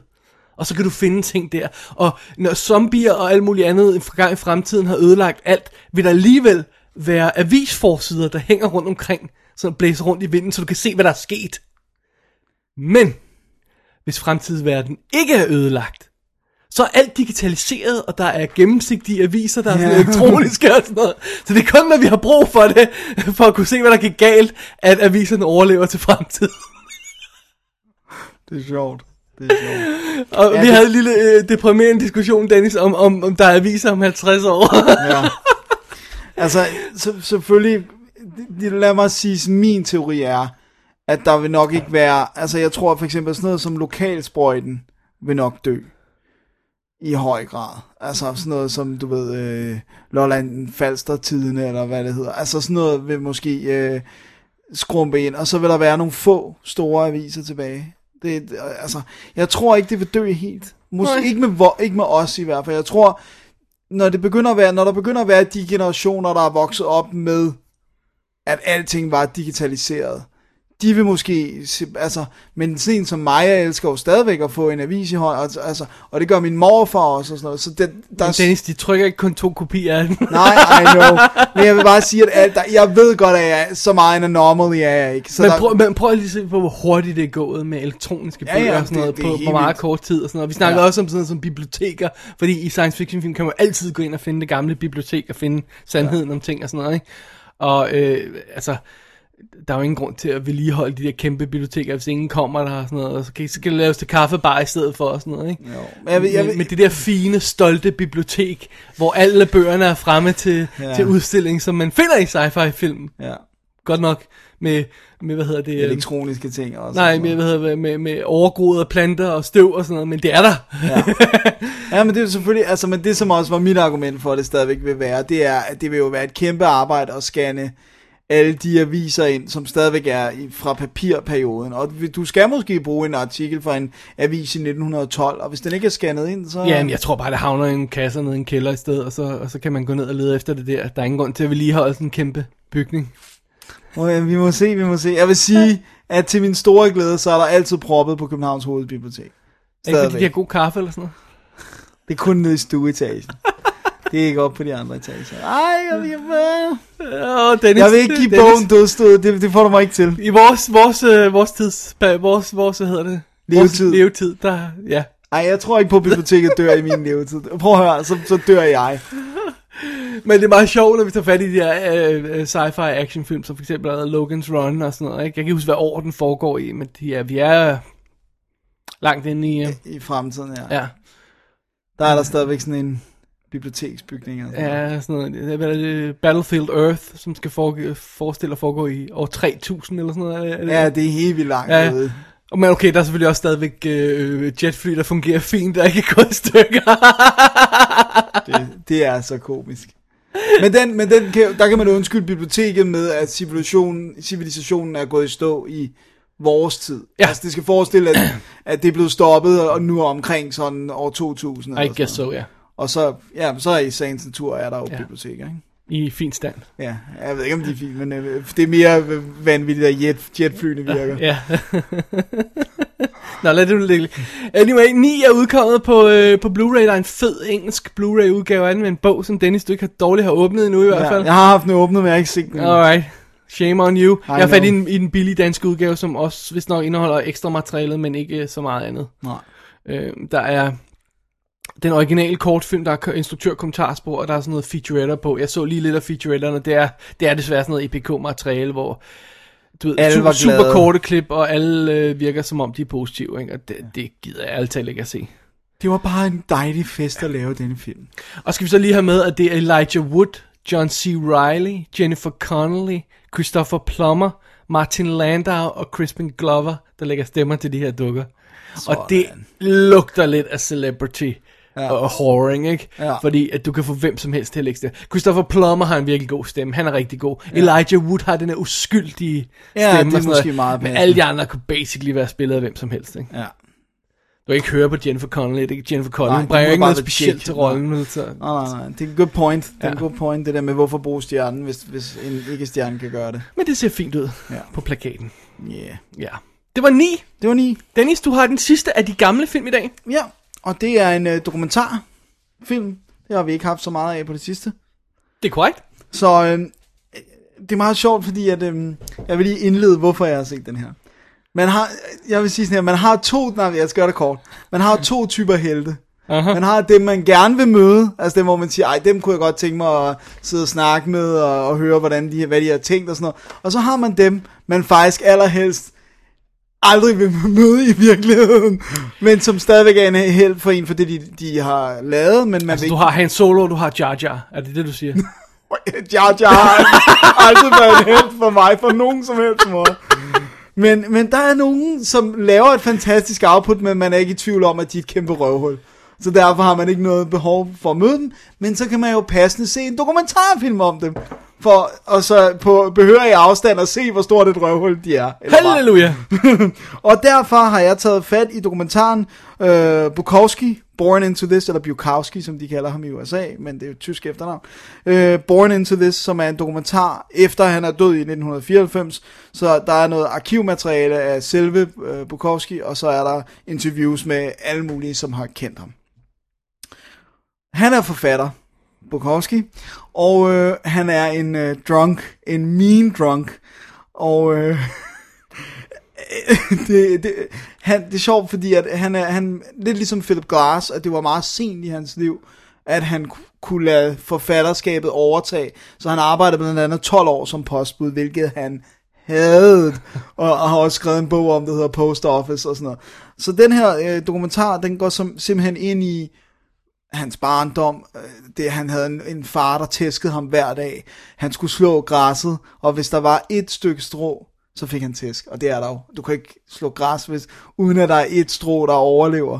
Så, det, så fik han tæsk hver Det dag. virker rimeligt. Det virker meget rimeligt. Øhm, og så følger vi den her rejse, som han, øh, han gennemgik, hvor han ligesom, han havde sin skrivemaskine, og øh, så drak han sig i hegnet, og så sad han og skrev digte og øh, short stories, og, og, og så også nogle få romaner. Og så har vi alle de her anekdoter om ham som person. Og det er altså alle sådan nogle som Sean Penn, som blev rigtig, rigtig gode venner med ham, i, sådan, godt nok sent i hans liv. Og så er det Bono, som var stor fan, og, sådan noget. og så er det Tom Waits, det er Harry Dean Stanton. Det, altså, det, er sådan, det er folk, man kender, som har været i hans liv og været omkring ham og sådan noget. Og så er der bare de her fantastiske anekdoter hvor, om, hvordan øh, John Martin, hans, øh, hans øh, publisher, hvad hedder det, forlægger, Ja. han sådan siger til ham, det er fint, du skal bare blive ved med at skrive digte, men hvis der er nogen mulighed for, at du kunne skrive en roman, så er, er der mere penge i det, end der er i digte. Der går der tre uger, så ringer øh, Bukowski til ham og siger, øh, ja, øh, så er den klar, så kan du godt komme og hente den. Og så siger han, forlæg, hvad er klar? Ja, øh, romanen. Og sådan, har du skrevet en roman på tre uger? Sådan, ja, det, det, du sagde, jeg skulle skrive en roman. Og det blev så hans øh, første roman. Så altså, han var ekstremt produktiv med, han har skrevet i tusindvis af digte, og du ved, normalt danske digtsamlinger, de er på 20 sider, står der et ord på hver. Bukowski har lavet digtsamlinger på 400 sider. Morgen er kold. Så Første digt. Ja, første digt. It's a hit already. og, og, øh, og, så, øh, og, så, og så er der nogle, nogle øh, sjældne klip af ham. Altså Taylor Hackford lavede en dokumentar om ham, hvor han skulle til sådan en øh, reading, hvor han bare drak sig i hegnet allerede i flyveren, fordi han kunne ikke lide mennesker, og han brød sig faktisk ikke om at skulle det her, og han håner faktisk sit publikum helt vildt. Og så er det til en fest, hvor han bare lige pludselig kigger ind i kameraet, og så bare siger til Taylor Hackford, det er sådan helt unprovoked, mother F, siger han bare til ham. Og det, altså det var sådan, og der kan du bare se den der vrede i hans øjne, og han er, hans fjæser fuldstændig ejet. Han har haft sådan noget, ikke bare akne, men noget, der hedder akne vulgaris, hvor du simpelthen skal have prikket huller med nåle i dit ansigt og alt muligt. Så han havde det her herrede ansigt, han var fed, han havde sådan en beer belly, og så bare sådan onde, onde øjne, der var sådan, mother F. Så, så det var sådan, man tænker bare, jeg er glad for, at jeg ikke mødte den her mand. Øh, og der er også et klip, hvor han sådan overfalder konen, hvor de begge to sådan er lidt stive, og så riler hun ham lidt op, og så begynder han bare at stå på hende, og det er bare Bay Schroeder, instruktøren, han bliver bare ved med at filme. La, la, la, la. Som man gør. Som man jo gør, når der er en man mand, der begynder at tage sin kone. øhm, hvis man ikke kender ham, Bukowski, og det, er der, det ved jeg, det er der mange, der ikke gør. Øh, Wikipedia. Wikipedia er en god mulighed. Øh, ved jeg det nu. Så ved jeg selvfølgelig ikke, hvor meget der er at komme efter i den her film, fordi den er ekstremt, altså den fortæller ikke så meget om tiden, eller altså putter ham ikke så meget i en kontekst, den snakker lidt om, hvilke forfatter, der har inspireret ham, men ikke sådan super meget. Så det er meget konkret om ham. Så, Så hvis, man skal være fan, før man kan reelt få noget af den her film. Ja, ja, man kan selvfølgelig godt få indsigt i, at det er sindssygt, at der er en kæmpe fed alkoholiker, der har kunne blive er der så forfatter. mange af ude på gaden, hvad, gør ham her specielt? Ja, det er det, han så rent faktisk kunne skrive. det skal man så vide nærmest, Ja. for at kunne... Skal man ikke? Ja, det Jo, sådan lidt. men altså, jo, men de kommer selvfølgelig ind på det, og der er også nogle tidspunkter, hvor han sidder og læser nogle af sine digte og sådan noget, så kan man selvfølgelig høre, om man synes, det er godt eller ej. Jeg, jeg synes personligt, at det, der gør ham fantastisk, det er, at han er så ærlig. Right. Altså, han, han, og hans sprog er helt barberet. Der er ikke nogen sådan floskler. Det er bare sådan, bum, det her er, hvordan det er. Jeg er et fordrukken svin. Øh, jeg horer øh, med alt, hvad jeg kan komme til. Altså, du ved, han kommer ikke sig selv sådan i en sådan glamourøs lys. Han pynter på tingene, og det ligger han heller ikke skjul på. Han, og han sætter sig selv i helterollen, selvfølgelig. Men samtidig så, altså, så beskriver han også sig selv som et røvhul, og det er sådan, sex, det er nærmest altid rape, og sådan, altså, så det er sådan, det er rimelig grum læsning. Nice fella. Ja, så, så det, det, er, det er bare fedt at få sådan en indsigt, og så snakker de, de snakker også lidt om Barfly-filmen, som er baseret på, øh, på han, han har skrevet det sted et manus for Barbie Schroeder, som er med Mickey Rourke og Faye Dunaway, ja. og han faktisk blev lidt sur på den bagefter, og var ikke særlig glad for hverken Faye Dunaway eller nødvendigvis Mickey Rourke. Øh, så Jeg husker den som ret nederen, den film for sin liv. Jeg tror også, han var sådan lidt, jeg tror, han var sådan lidt skuffet over, at Mickey Rourke var lidt for poleret. Og Sean Penn havde faktisk øh, gerne ville lave den, men han ville have øh, en anden instruktør på. Og Barbie Schroeder havde brugt flere år på at få det her i stilling, så han var bare sådan, nej, selvfølgelig vil jeg ikke forære dig Ja. alt det arbejde, jeg har lavet. Og så var Sean Penn, "Jamen, så kan jeg ikke lave den, det skal være med den her, nu kan jeg ikke huske, hvad det var for en instruktør. Så man får en masse sådan indsigt og sådan noget, så øh, jeg synes, at hvis man kan lide litteratur, så skal man tjekke Bukowski ud, han er meget vigtig, øh, fordi den stil, som han har lavet, øh, er meget unik for ham. Øh, og så hvis man synes, det er godt, så skal man se dokumentaren. Jeg synes, jeg har et link øh, til en hjemmeside, hvor man kan læse, som vi inkluderer i øh, shownoterne, hvor at man kan læse mange af de ting, som ikke er tilgængelige længere, for han publicerede selvfølgelig i sådan nogle litterære magasiner, og de udgår jo, og dem kan man ikke bare få fat i. Så alt det, det ligger der. Der er digte, der er øh, Men Dennis, når, når jorden er ødelagt i år 3000, så kan man finde alt på biblioteket. Det sagde du lige. ja, det er rigtigt. Men det kræver, at de har indkøbt de her litterære magasiner. Oh. Så jeg synes, man skal... Øh, hvis man kan lide ham, hvis man kan lide det, så se den. Og han, er, han, var, han var en fascinerende øh, person, og det er jo sådan et rimelig unikt øh, billede ind i ham. Det næste, jeg så skal have fat i, men den er udgået, så jeg skal lede, det er Babe Schroeder lavede en fire timer lang dokumentar om ham, der hedder The Charles Bukowski Tapes. Så øh, det bliver det næste. Den skal jeg nok også snakke om mere. Tak for i dag. ja, selv tak. Så øh, Bukowski, Born Into This, 2003. Fortæl om DVD'en, hvor er den ude fra? Den er ude fra øh, et no-name øh, lille engelsk øh, firma, øh, men har ingen undertekster, hvilket er den største minus. Og øh, så har den en masse deleted scenes, og folk, der læser, altså nogle af de her kendte, der læser hans digte op, Harry Dean Stanton og Tom Waits og sådan noget. Så en god lille pakke, hvis man kan lide Bukowski. Cool. Så det var det. Jamen med de ord, Dennis, så rapper vi vores øh, sektion af gamle film op, og så vender vi os mod nyhedsstakken, som vi næsten har set alle sammen sammen. Begge to. Ikke sammen, men vi har alle Vi sammen har begge to sammen, set dem. Alle sammen, sammen, sammen. Jeg Break tror, time. det er break time, ja. Mere kaffe. Why do you want to join a force? Protect the property and citizenry of the Oh, city. please don't waste my time with that bullshit. Where are you from, Stone? From the south side. Stone. George Stone. That's your name? What's your real name? That is my real name. Nah. What was it before you changed it? Giuseppe Petri. Jeez, I knew it.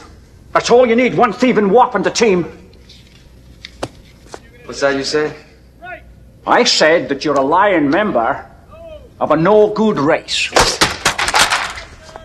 It's much better than you, you stinking Irish pig. Oh, I like him. Yeah, I like him too. You just joined the Treasury Department, son. Som sædvanligt, Dennis, snakker vi alt for længe, men vi må se at gøre noget ved det. Vi Ja, må, vi men må vi gør komme- noget ved det nu. Kom gennem de næste for film lidt hurtigere end normalt. Ja. Ja. Den første er... Nej, jo. Den første film Ja. er Sanctum. Yes. Den første af nyhederne, skulle jeg sige. Ja, ja. Og det er en australsk James Cameron film. Sådan. Ja. Og den har jeg set. Det har du. Og du har ikke set den. Nej, Nej. det nåede jeg ikke. Det er det her lange snak her, der er for meget. Ja, det tror vi jeg nok. Alright. James Cameron og hans 3D-kamera, bla bla bla, det er alt sammen meget fint. Og nu skal vi høre en historie om, hvor der er nogle folk, der tager en grotte og bliver fanget dernede og bla bla bla, fordi så kan vi filme med 3D-kamera, det er alt sammen meget fint. Og så tager vi til Australien og filmer det, og, og, og, og sådan er det. Ja. Øh, Sanctum er instrueret af Alistair Grierson, som jeg ikke kunne finde ud af, havde lavet noget rigtigt, man nogensinde har hørt om. Og der er en masse australske skuespillere i rollerne. Som man ikke kender. Ja.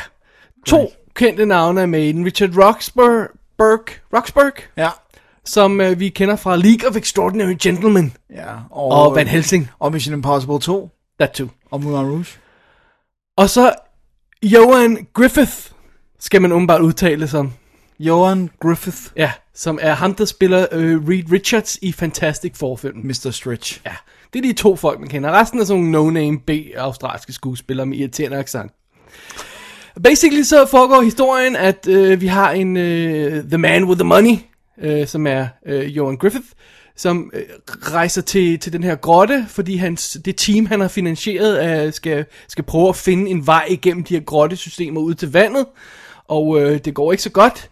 Teamet bliver ledet af Frank, spillet af Roxburgh, som er øh, drevet, gammel øh, huleudforsker, som ved det hele, men som ikke lytter til nogen, og bla bla bla. Klassisk, Great. ikke? Og så er der hans søn, som bliver slæbt med, altså Franks søn, som ikke gider noget som helst, og, og det er sådan en standard klassisk setup. Ja, og, det lyder godt nok meget standard. og de skal ned og udforske de der huler, og, og det er jo sådan nogle store kæmpe grotter med vand i, og så skal de svømme ned øh, rundt i dem og finde en vej igennem. Det er meget farligt, og så er der et uvær på vej. Så det er et rigtig godt på vej, ja, ja. det er virkelig godt Øh, og, og så det er endnu mere farligt, fordi når, når der kommer en masse vand, så løber det ned i grotterne, og så bliver de oversvømmet, og så skal man passe på. ja. Så det er sådan en relativt klassisk, klassisk øhm, øhm, Grotte, kravle, film. Samtidig kalder jeg de her film for personlig katastrofefilm. Ja. Det er ikke som sådan en katastrofe Nej. på et stort plan, men katastrofe for de her folk, der er involveret, ikke? Jo. Og udspiller så meget, som sådan en katastrofefilm normalt gør med, at når, og vi, du ved, ulykken er på vej, vi ser den i horisonten, men øh, de lytter ikke, og bla bla bla, og alt sådan noget der, ikke? Og jeg synes, det største problem med den her film er, øh, lad mig prøve at snakke dig igennem den her, okay? Ja. Hollywood, James Cameron produceret actionfilm Go. Okay. Tror du, at alle folkene dør i grotten, og den har en dårlig slutning? Nej. Tror du, de alle sammen overlever? Nej. Okay. okay. Hvem tror du overlever af de her folk til helt sidst? Det gør øh, The Kid. Altså ham, den der obnoxious kid. Ja. Og øh, så øh, måske, nej ikke, måske øh, bliver Frank offeret, fordi at han sådan, han siger til de andre, I skal nok klare den, men så dør han selv. Og så øh, er jeg on track. Ja, så må jeg helst ikke afsløre for meget, hvis der er nogen, der vil se den, og rigtig faktisk nyde den. Men ja, problemet er, at den er, den er lidt låst fast i sit format. Der er ikke skide meget, der kan ske, og der er ikke skide meget variation, og du kan mere eller mindre forudse, hvad der vil ske sådan every inch of the way, ikke også? Ja. Ham gutten, der hoster lidt, men siger, jeg er okay.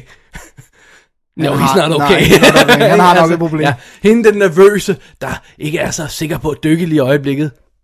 Må hun er en af de første, der ryger? I think so. Øh, og, og, og, og, og, så ud over det har den ikke så meget. Så er der det der med, om det kan godt være, at den havde været fantastisk, hvis den så den i 3D, jeg så den i 2D. Øh, men altså, I'm sorry, der- skal mere end bare nogle grotter under vandet til at få mit pis i kog, ikke? ja. Også selvom de er 3D. Ja, om de så er 3D eller ej, det er lige meget. Men, altså, der har, den har nogle gode moments. Der er nogle scary moments, fordi det med at få fanget under vandet og have begrænset mængder luft og øh, svømme ind i en grotte, tag et, et, et, et, uden at have noget dykkeudstyr, tag en, en mundfuld luft, svømme ned i en grotte og håbe, at man har luft nok til at komme ud på den anden side. Det er scary. Altså det er det. Og der er sådan nogle øjeblikke i den, og de fungerer fint nok, men vi ryger altid tilbage på den, Slagende vej. ja. Og så, Men jeg synes også bare, det, det, har vi, det kan godt være, at det, det virker spændende og sådan noget, men vi har stadigvæk tusindvis af gange set det der øjeblik, hvor de står og siger, og så ned, og ja, klarer vi den ja. over på net. Altså, det er jo ikke Men det er heller ikke de øjeblik, der er de gode. Nej, nej, det er sådan nogle, okay. hvor de bliver lidt mere originale, og vi finder på nogle interessante ting, og, og, og fanger deres figurer i noget, noget lidt anderledes, ikke også? Men det er sjovt, fordi at traileren fik mig lidt til at tænke, at der også var noget overnaturligt på spil. Ja, nothing. Okay. Det kan vi lige så godt sige straight up for. Det synes jeg er fair nok at sige det up Ja, front, fordi, fordi den, den sælger ja. lidt som om, jeg, at jeg, jeg er- tænkte meget på The Cave. Kan du huske det med Piper Parabo blandt Ja, andet, ja, og ja, Eddie ja. Cibrian og sådan noget, Ja. øh, som de øh, vist nok har kørt på TV2 Film for nylig. Jeg kom til at tænke på den, men øh, altså, jeg, jeg, jeg kan ikke lade være med at sammenligne med sådan en film som Abyss, som jo også har de der undervandssekvenser, ikke? Og, og hvor du har no effing idea, hvem, hvad der kommer til at ske, hvem der kommer til at klare det, og selv når du har det, selv når du ved, hvem der kommer ud af, i live ud af det her, så virker det stadig. Ja. Og det, det gør Sanctum altså ikke på samme måde. Det gør den altså ikke. Det er til, at de her skuespillere for ligegyldige og for irriterende deres accent, altså. I'm sorry, det er de altså. Ja, det er helt fair nok. Så øh, der er også, man kan også sammenligne det med Descent. Ja. Der er sådan lidt Descent-agtigt over det, ikke? Jo, men alle dem, som du nævner, har jo netop det overnaturlige, eller i hvert fald et eller andet element, der gør, at de er mere unikke. Ja, den her er straightforward. Ja. Ja. Se, er det ikke spændende at udforske en grotte? Nej, Not really. no, no, I don't care. Ja. Der er en grund til, at jeg ikke selv Så. gør sådan noget, fordi I don't care. Nå, men det er fordi, du er en tøs, Dennis. Ja, det er så også rigtigt, men jeg er en tøs, fordi I don't care. Også, også fordi, altså, ja, en grotte. Ja, Fint nok. great. Ja. Der er sten. Øhm, alright. Jeg gider ikke sige mere om filmen, Nej. fordi alle talt er den ikke det værd. Men altså, hvis man er vildt fascineret af det her øh, diving og grottehalløjse udforskning, sure. By all means. Ja, og hvis man har 3D-udstyret, go for it. Men øh, så er det så måske en fed blærerøvsfilm at køre, ikke? For den er, sådan, den, er, den er relativt flot undervejs, ikke? Jeg siger relativt, for der er nogle ting, der faktisk ikke er specielt flotte. Sådan effektmæssigt i starten og sådan noget. Øhm, men men øh, den har ikke så meget andet end det. Der. Alright.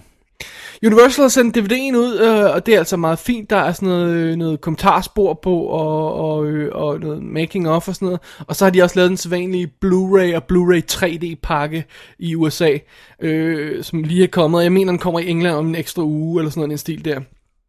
Problemet med de der 3D Blu-ray pakker er, at de begynder altså at ryge op i pris. Nu snakker, man kan sikkert godt finde nogle tilbud på dem på nettet og sådan noget, men listeprisen på de her ting er 50 dollar.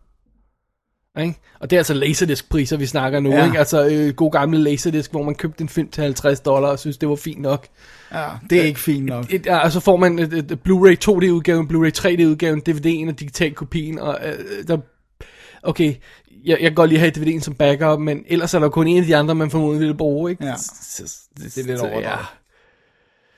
ja, det var Sanctum. Sanctum. Videre, ja, Dennis. Videre. Næste film har vi begge to set, eller Ja. ja. resten af filmen har vi faktisk begge to set, så behøver vi ikke at sige det hver gang. Og øh, det er jo sådan lidt et hængeparti for, for den er ikke helt nyt udsendt her, vel? Er den, er, er, den- er vist lige kommet ud i Danmark, tror Den er jeg. lige kommet ud i Danmark, ja, men det er men noget den er faktisk et par er- måneder på banen fra, øh, fra USA Ja. øh, og fra England, og det er The Green Hornet. Ja, Vil du tage plottet af den ganske det vil jeg hurtigt? gerne gøre meget hurtigt. Øhm, det handler ganske simpelt om Britt Reed, spillet af Seth Rogen, som er en rimands søn. Hans far har sådan et avis, øh, har ikke sådan et, han ejer en avis, øh, og øh, da faren bliver øh, fundet død, øh, så øh, står det ligesom til ham at overtage hele det her imperium, selvom det ikke interesserer ham. En huindefis. Men ikke desto mindre, så øh, ender han med at beslutte sig for, at noget måske. Der er en grum øh, top gangsterboss, spillet af Christoph Waltz, der hedder Chodnovsky, øh, hvis eneste ønske er, at folk skal være bange for ham.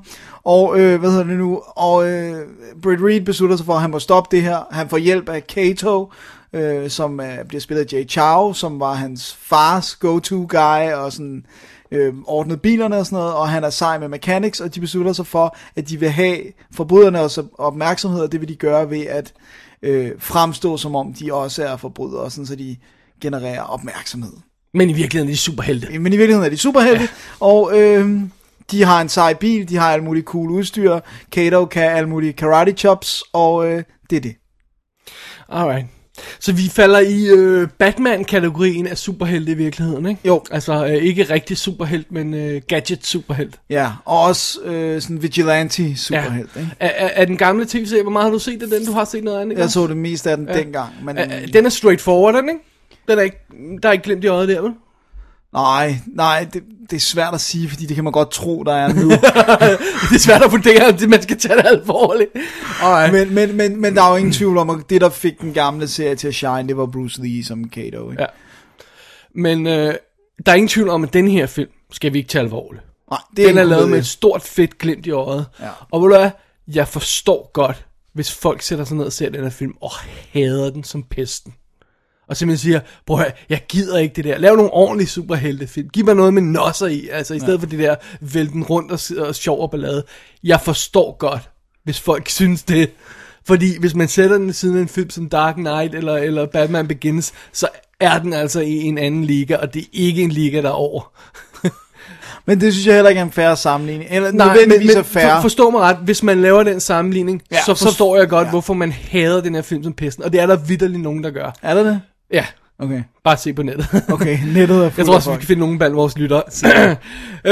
Men, hvis man tager den for det, den er, en superheltefilm, der kommer til os med et glimt i øjet og siger, vi tager det sgu ikke det her så alvorligt. Vi laver lidt øh, gakken rundt. Hvad kan vi finde på? Vi hyrer Seth Rogen til at spille hovedrollen, ja. ikke? Han har også selv skrevet manus. Ja, også. øh, men der er stadig nogen, der skal sige, ok, han får den her franchise, ikke? Og. Ja. det, det gør han så. Og, og ja, vi har den cool Jay Chow, som kan alle de her Kato moves, men vi har også Seth Rogen, der bare vælter rundt og gakker.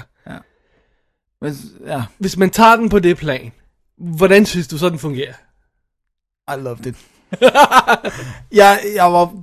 Jeg tror godt, jeg vidste, allerede fra traileren, synes jeg godt, man kunne fornemme, at der, der var et stort komedieelement, og man kan se, at Seth Rogen har skrevet den, og det er Michel Gondry, der er sat til at instruere den, og han har om ikke andet altid sådan en eller anden form for glimt i øjet, også, og, sådan, og er en øh, skør franskmand og sådan noget, så, så jeg tænkte, okay, det bliver ikke øh, serious business, det her, selvom den selvfølgelig har elementer af alvorlighed og sådan noget. Øh, jeg synes, den var vildt underholdende. Jeg synes, den var sjov. Jeg synes, spillet mellem Kato og Britt Reed var helt vildt sjovt. Og jeg, jeg synes, Seth Rogen var cool. Han havde buffet sig lidt op og var sådan meget, Jeg har aldrig set ham være så fedt. Nej. Øh, øh, og det synes jeg var cool, og han havde stil, og han havde sådan, du ved, han har dyre jakkesæt og seler og sådan noget. Jeg synes, der er et eller andet sådan lidt cool over det. Og jeg, jeg hyggede mig. Jeg må indrømme, jeg hyggede mig faktisk også meget godt, men jeg er ret bevidst om, at filmen også samtidig har nogle, nogle shortcomings, der er potentielt alvorlige. Ja, hvad tænker du på her? Altså for det første er der, er der, øh, er der bad guy. Øh, og jeg tror, jeg kiggede på uret, og det var sådan noget retning af, efter en time og kvarter øh, ser de hinanden øh, første gang eller sådan noget. Ja. Øh, Don't hold me to it. Det var sådan noget i den stil der. Altså, bad guyen er en comic relief Ja. i den her film. øh, Chodnovsky, som finder ud af, at han vil være mere scary og gå rundt og sige sjove ting. Christopher Waltz giver den hele armen, han er fin nok, men der er ikke nogen trusselselement i det på noget tidspunkt. Den reelle bad guy i den her film er faktisk dem selv. Ja. Deres jalousi og deres forhold er det, der er deres største fjende i den her film. Chodnovsky render rundt og gakker. Ja. Og det synes jeg er et problem. Han- Vi har, altså, hvis vi har brug for, uh, every good hero needs a villain, ikke også? Ja. Og vi har brug for en villain. But let of fun. Ja. MI, MI2 quote. Uh, vi har brug for en villain. Vi har brug for en ordentlig villain. Vi har også brug for, selv i en superheltefilm, der ikke forventer at blive taget 100% alvorligt, har vi stadigvæk brug for et trusselselement. For hvis der ikke er nogen trussel, er der ikke noget på spil. Og hvis der ikke er noget på spil, Så er vi ligeglade. så er vi ligeglade. Jeg tror bare, det den så gør, altså... Jeg tror, det fungerer alligevel, fordi de så er hinandens værste fjender. Og det, det er sådan ligesom... Og man kunne sige, det, det, er, op, det er en oplagt etter, det her. Og så kommer ja. Der måske en rigtig bad Men jeg guy vil gå så langt til at sige, jeg vil nærmest sige, at jeg synes bedre om filmen, hvis de faktisk havde klippet bad guyen ud. Ja, og bare lade det være dem, der skulle sådan ja. Komme til terms med, hvad Fordi de var. at, så havde- kunne de måske have fokuseret på det der mere. For lige nu, som det er nu, så har vi det der, vi har det der love interest i, i Cameron Diaz, som skaber lidt splid imellem dem, selvom hun overhovedet ikke på noget plan er interesseret i nogen af dem. Hvilket det synes jeg er ret sjovt, faktisk. øh, øh, øh, men det der jalousi plot der udvikler sig mellem, bliver lidt dumt. Det bliver lidt plat, fordi det, bliver, det ryger lidt ned på noget, et, et, et plan.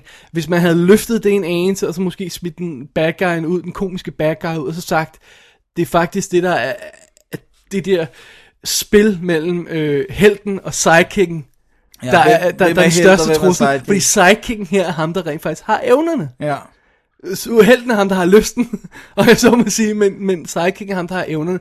Kørte det op, så det havde en, så det var en reel fare, så det ikke bare blev det der komiske, nu er vi uvenner, men så bliver vi venner igen, agtigt. Så jeg vil lige sige, at det havde fungeret bedre. Ja.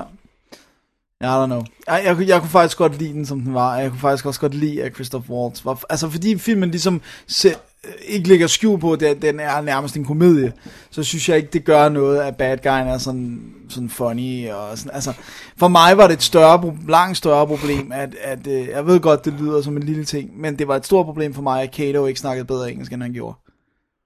Åh, oh, det skænker jeg ikke en tanke. Okay, jeg synes, det, var proble- jeg synes, det blev problematisk, at, at, at der var nogle gange, jeg virkelig, det var svært at forstå, hvad han sagde. Okay, nej, det, det noget mig overhovedet. Okay. Men, øh, Men ja. ja, men det er forskellige ting, man sådan bider fat i, ikke? Men, Men, altså, men jeg synes, den er sådan lidt... ah, Jeg kan skide godt lide stemningen, som jeg også nævnte. Jeg, kan lige godt, altså, jeg synes, det var meget hyggeligt at se, ikke? Men det, jeg ved heller ikke, hvor, hvor tit jeg kommer til at hive den ned fra hylden, ikke? Fordi jeg har fornemmelsen af, hvis jeg står og kigger på den, og siger, ah, Cameron Diaz var ligegyldig. Ah, ham guy var lige irriterende.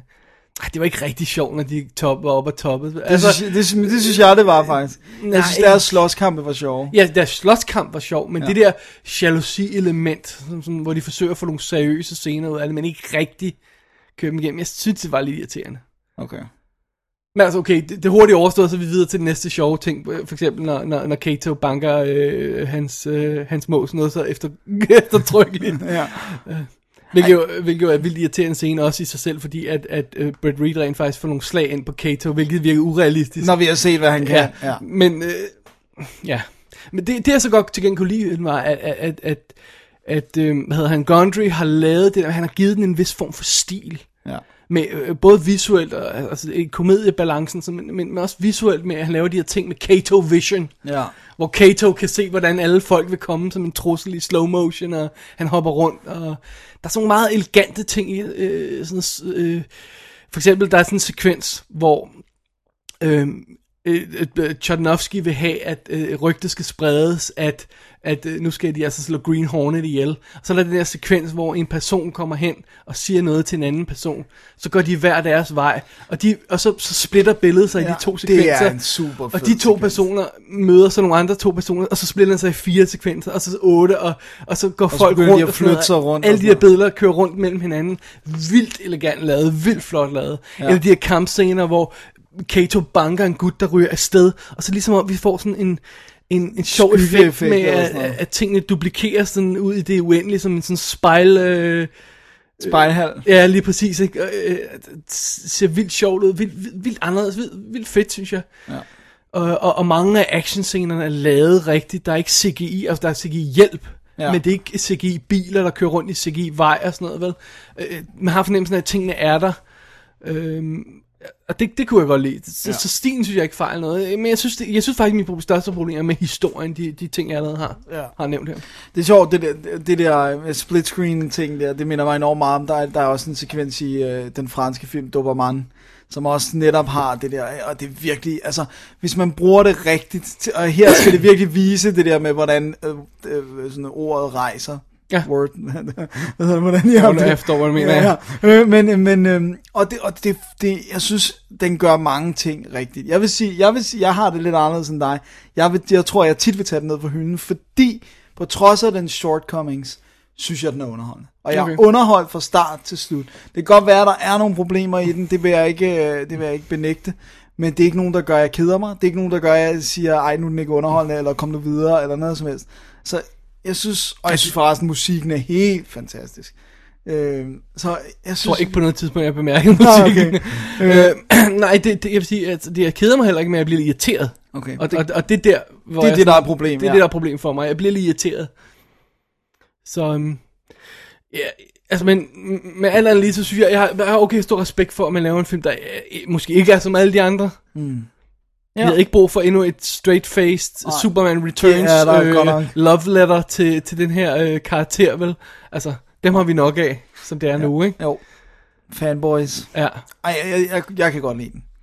Jeg skal jeg- klart jeg- have den på Blu-ray. Jeg, sy- jeg synes, den er sympatisk, men, ja. men jeg, jeg er ikke 100% vild med den, vil jeg faktisk hvor påstå. Selvom jeg, jeg, jeg, jeg hyggede mig, da jeg så den. Ja. Men det er det der med, hvor tit kommer man til at tage den ned fra hylden. Det betyder også lidt, synes jeg, for mig. Ja, ja, klart. Men jeg, jeg kunne sagtens forestille mig søndag, popcorn, chips, Green Hornet. Så er det go. naturligvis 3D-udgaven, du tager ned fra hylden. Det er det så nok Nå, okay. ikke. Eftersom jeg stadigvæk ikke kan se 3D. Åh, oh, oh, great then.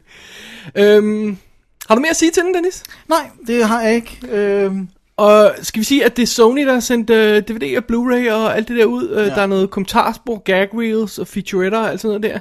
Så er der en Blu-ray, en Blu-ray 3D-udgave, en, you know, bla bla bla bla bla. bla, bla, bla. Og øh, at den, det er en af dem, der er konverteret, ikke også? Jo, den er vist ikke tænkt Ja. ja. 3D. Så vidt jeg husker, var noget med, de lavede pickups. Ja, der er, nogle, skød dem i 3D, ikke? ja, der er nogle sekvenser, der virker rimelig Ja. obvious, øh, sådan tænkt i 3D Ja. ja. i hvert fald. Så, Alright, alright, Green Hornet. det var The Green Hornet. Ja. En, en uh, so-so for dig, en, Ej, en, en ja. søndag underholdningsfilm for mig. Der er også bare nogle film, man kun se en gang. Ja, ja. Øh, Ikke at, at, at jeg aldrig vil se den her igen, men forstå mig ret, der er nogle, det er ikke nødvendigvis et kvalitetsstempel i en film, at man vil se den flere gange. nej, nej. Men, men det, det er en faktor i, om jeg gider købe den, han stående på hylden. Det er klart. Det er klart, ikke? Jo, jeg synes, det er fair nok. Så øhm, Dennis, lad os bevæge os videre til The Right. Da, da, da. Og ikke, at det er ikke en modsætning til The Wrong, men det er altså The Right som i ritualet. Ja, Ja. riget. Øh, Du tager plottet, du har set den øh, nyligst. Michael Höfström, Hofstrin! som jo lavede Ondskan, Undskan. så lavede han Derailed, Wow, var det også ham? og så lavede han 1408, Den som vi godt kunne lide. Ja. Og så lavede han Shanghai for, øh, sidste år med Chow Yun Fat og, og sådan noget, og, mu- og John Cusack og Den har sådan jeg noget. aldrig hørt om. Nej, det var sådan, what? What? Den er landet ude på DVD herhjemme. Så, jeg har ikke What? Weirdness. Okay. Colin O'Donoghue spiller Michael Kovac, som er en, øh, skal vi sige, tvivlende præstelærling, Ja, det er fair. øh, som, øh, som overvejer, og øh, han, hans far er bedemand. Hans far bliver jo spillet af Rutger Hauer. Super fedt. Og øh, det, han, sådan, han kan enten blive præst eller bedemand, og så siger han, prøv at høre, øh, hvis jeg bliver præst, så kommer jeg mindst væk fra daddy lidt. så han tager et præstestudiet, men hans hjerte er ikke i det. Nej, ikke rigtigt. Men så øh, præstestudiet hedder det? ja, det tror jeg. Øh, øh, præsteseminaret. Whatever. Teologi og så præsteseminaret. Øh, og så er det hans, øh, hans ligesom, hans, øh, hans, hvad hedder sådan noget, ikke lærer, men ham, ham, der ligesom passer lidt på ham. Ja, hans vejleder måske. Vejleder, kan- lad os kalde det det. Ja. Øh, Father Matthew, spillet af Toby Jones, han siger, prøv at høre, lad os prøve noget andet så. Ja. Tag til Vatikanet, tag til, øh, tag til øh, eksorcistskolen. Ja. Så et nyt kursus, der er Nyt kursus, der lige er oprettet. startet. Vi vil uddanne nogle eksorcister. Øhm, prøv at tjekke det ud og se, om ikke det er noget for dig, om, om du ikke får troen igen. Og når han kommer der, så er han stadig lige i tvivlende, hvorefter hans lærer, Kieran Hines, øh, som hedder øh, Father Xavier, Ja. siger til ham, prøv at høre. Tag og snak med Father Lucas. Ja. Fordi han er en af dem, der render rundt og laver de der eksorcismer. Prøv at følge ham. Se om du ikke får lidt... Øh, Indsigt. Ja, på den måde. Og Father Lucas bliver så spillet af Anthony Hopkins. Så basically så har vi den her unge, unge præsteelev, der bliver smidt sammen med den garvede eksorcist, fordi han har mistet sin tro, og nu Ja. skal have den igen. Sådan. Og så ved jeg ikke, hvor meget mere plottet vi skal gå ind på. Lad os bare konstatere, at, at uh, Father, uh, hvad hedder, Michael Kovac her, ja. han følger uh, Father Lucas, uh, ja, Hopkins, på, under nogle af sine eksorcist uh, Ritualer. ritualer, ja, Ja. ja. Og, og Og få lov at være medvirkende. får lov at være med, og opdager der måske er mellem, mere, mere mellem himmel og jord. Skal vi også her allerede have med, at øh, selvfølgelig, at, øh, at filmen siger based on a true story, og øh, der er en bog, jeg har den, jeg har ikke fået den læst helt endnu, men at den der exorcist kursus ting, den skulle være god nok. Det kører de nede i Vatikanet. Ja, der går mange rygter om det. Er også hvor mange eksorcismer, der bliver foretaget hver år. Sådan, jeg ved ikke rigtig, hvor meget man skal tro på det. Altså, øh, Men det er det der med, det som de også går op i på de der øh, kurser, det er det der med at skelne mellem en psykisk lidelse og så en reel, ja. Ja. altså nu siger jeg reel i gåsøjne øh, besættelse, ikke? Ja. hvis man nu tror på den slags. Og det er meget sjovt, fordi den første eksorcisme, vi er med, med til her, der er det sådan noget med uh, en pige, om hun er besat, og sådan noget, om hendes søster er med, og søsteren venter hernede i køkkenet, kom vi går op og laver eksorcismen. Åh, vi er bort, dæmon. Øh, gab. Øh, du kan godt gå hjem igen. Og man sidder og siger, what the F, var, var det en eksorcisme? Og det er sådan stort set også det, ham der Kovac, Michael Kovac siger, han var det en eksorcisme? Ja, de er ikke alle sammen lige actionfyldte, siger Anthony Hopkins. Så, indtil vi så kommer til næste eksorcisme, som er full on. Øh, djævlen kigger nærmest ud øh, og, og siger, hej Michael! på ham, og så siger wow, okay, nu, er vi- nu er vi tilbage, hvor vi kan kende konceptet igen. Ja, præcis. Men, men det er meget sjovt, fordi hvis man siger, der er alle de her eksorcismer rundt omkring i verden, og sådan noget, jamen, så må mange af dem jo være de der fuldstændig røvkedelige. Præcis. Det er ikke, det er ikke helt store action-packede øjeblikke. Nej. Men det, det her stil også, øh, som vi indikerede i starten her, og, og det der med, den første eksorcisme er lidt øh, flad, lad os sige det på den måde. Det betyder også, at det er en film, der kræver lidt tålmodighed. Ja. For der går lidt tid, før den reelt går i gang. ja. Og før den viser sin, begynder at vise sin kort, ikke? Men synes du ikke, det var meget behageligt? Jeg synes, det var virket perfekt. Altså, det, det der med, at det behøver, gør det den. der behøver ikke heller ikke at være den der scene i starten, Ja, ja, hvor vi skal se det grusomste af det grusomste, og så går der lige en halv time, før vi får forklaret hele setupet, og så kan vi ske, der ske noget igen, vel? Ja, nej, nej, det, det er behøver sådan man ikke. Altså, tænk på, og tænk på, hvordan den, den originale Exorcist øh, åbner, ikke? Det er jo bare øh, Folk det der dig. Det er jo, de render rundt i Ægypten Ja, og, og graver ud, og så sådan finder noget, han den der, og der er den der underlige lyd Ja, og ja. sådan noget, men, men den tager også sin tid, og lad det ikke ja. være øh, skjult for nogle af Exorcisten er en af mine favoritgyser Ja. ja. of all time. Øh, Og den er meget, de er meget linkede, de her to film, Ja. uden dog at træde hinanden over tæerne, ja. synes jeg. Jeg synes, den her har en lidt andet fokus på en Ja, eller anden der er måde. måske også lidt mere populær, sådan lidt mere sådan action-præget på en måde. Ja, den, jeg synes, den tager sin tid i starten. Ja, men, men når den først kommer i gang, så er det måske, mere, sådan, det er måske mere popcorn En anelse mere popcorn tror Ja. jeg godt, man kan sige, ikke? Ja. Må jeg, må jeg ikke her bringe ind, at jeg synes, at det her er noget af det allerbedste, jeg har set fra Anthony Hopkins side i meget, meget, meget lang tid. Jeg er bange for, at det ikke siger så meget, vel? Nej, det gør jeg ikke. hvornår men vil vi sige til, Anthony Hopkins er rigtig godt? Okay, han er jo ikke blevet Robert De Niro, men han... han har vi, Mission Impossible 2. det er også den første, jeg tænkte på. Ej, jeg kan, jeg kan ikke... Jeg kan ikke huske, hvornår... Jeg, Ja, jeg, jo, jo, jo, han var god i Fracture. Den så jeg ikke. Den med uh, Ryan Gosling og ham. Nå, den! Fracture? Hed den ikke Fracture? Nej, hed den Fracture? Det kan jeg ikke huske. Jeg ved, hvad du mener. Jeg tror, den hedder Fracture. Okay, Den, den synes jeg faktisk, han var god i. Der var han rimelig menacing. alright. Øh, men ellers så, altså jeg synes, han er Silence of the Lambs god her. Jeg synes virkelig, han er god. Jeg synes, han har nogle moments. Ej, jeg synes ikke, vi skal helt derop. Det synes jeg er at tage munden for fuld. Ja, okay. Og jeg synes også, det er... Øh, altså, vi skal passe på ikke at sammenligne for meget med Exorcisten. For jeg synes, Exorcisten har en, en chilling effekt, som ikke er overgået. Ja. På noget plan. Nej, jeg siger heller ikke, den overgår Nej, den.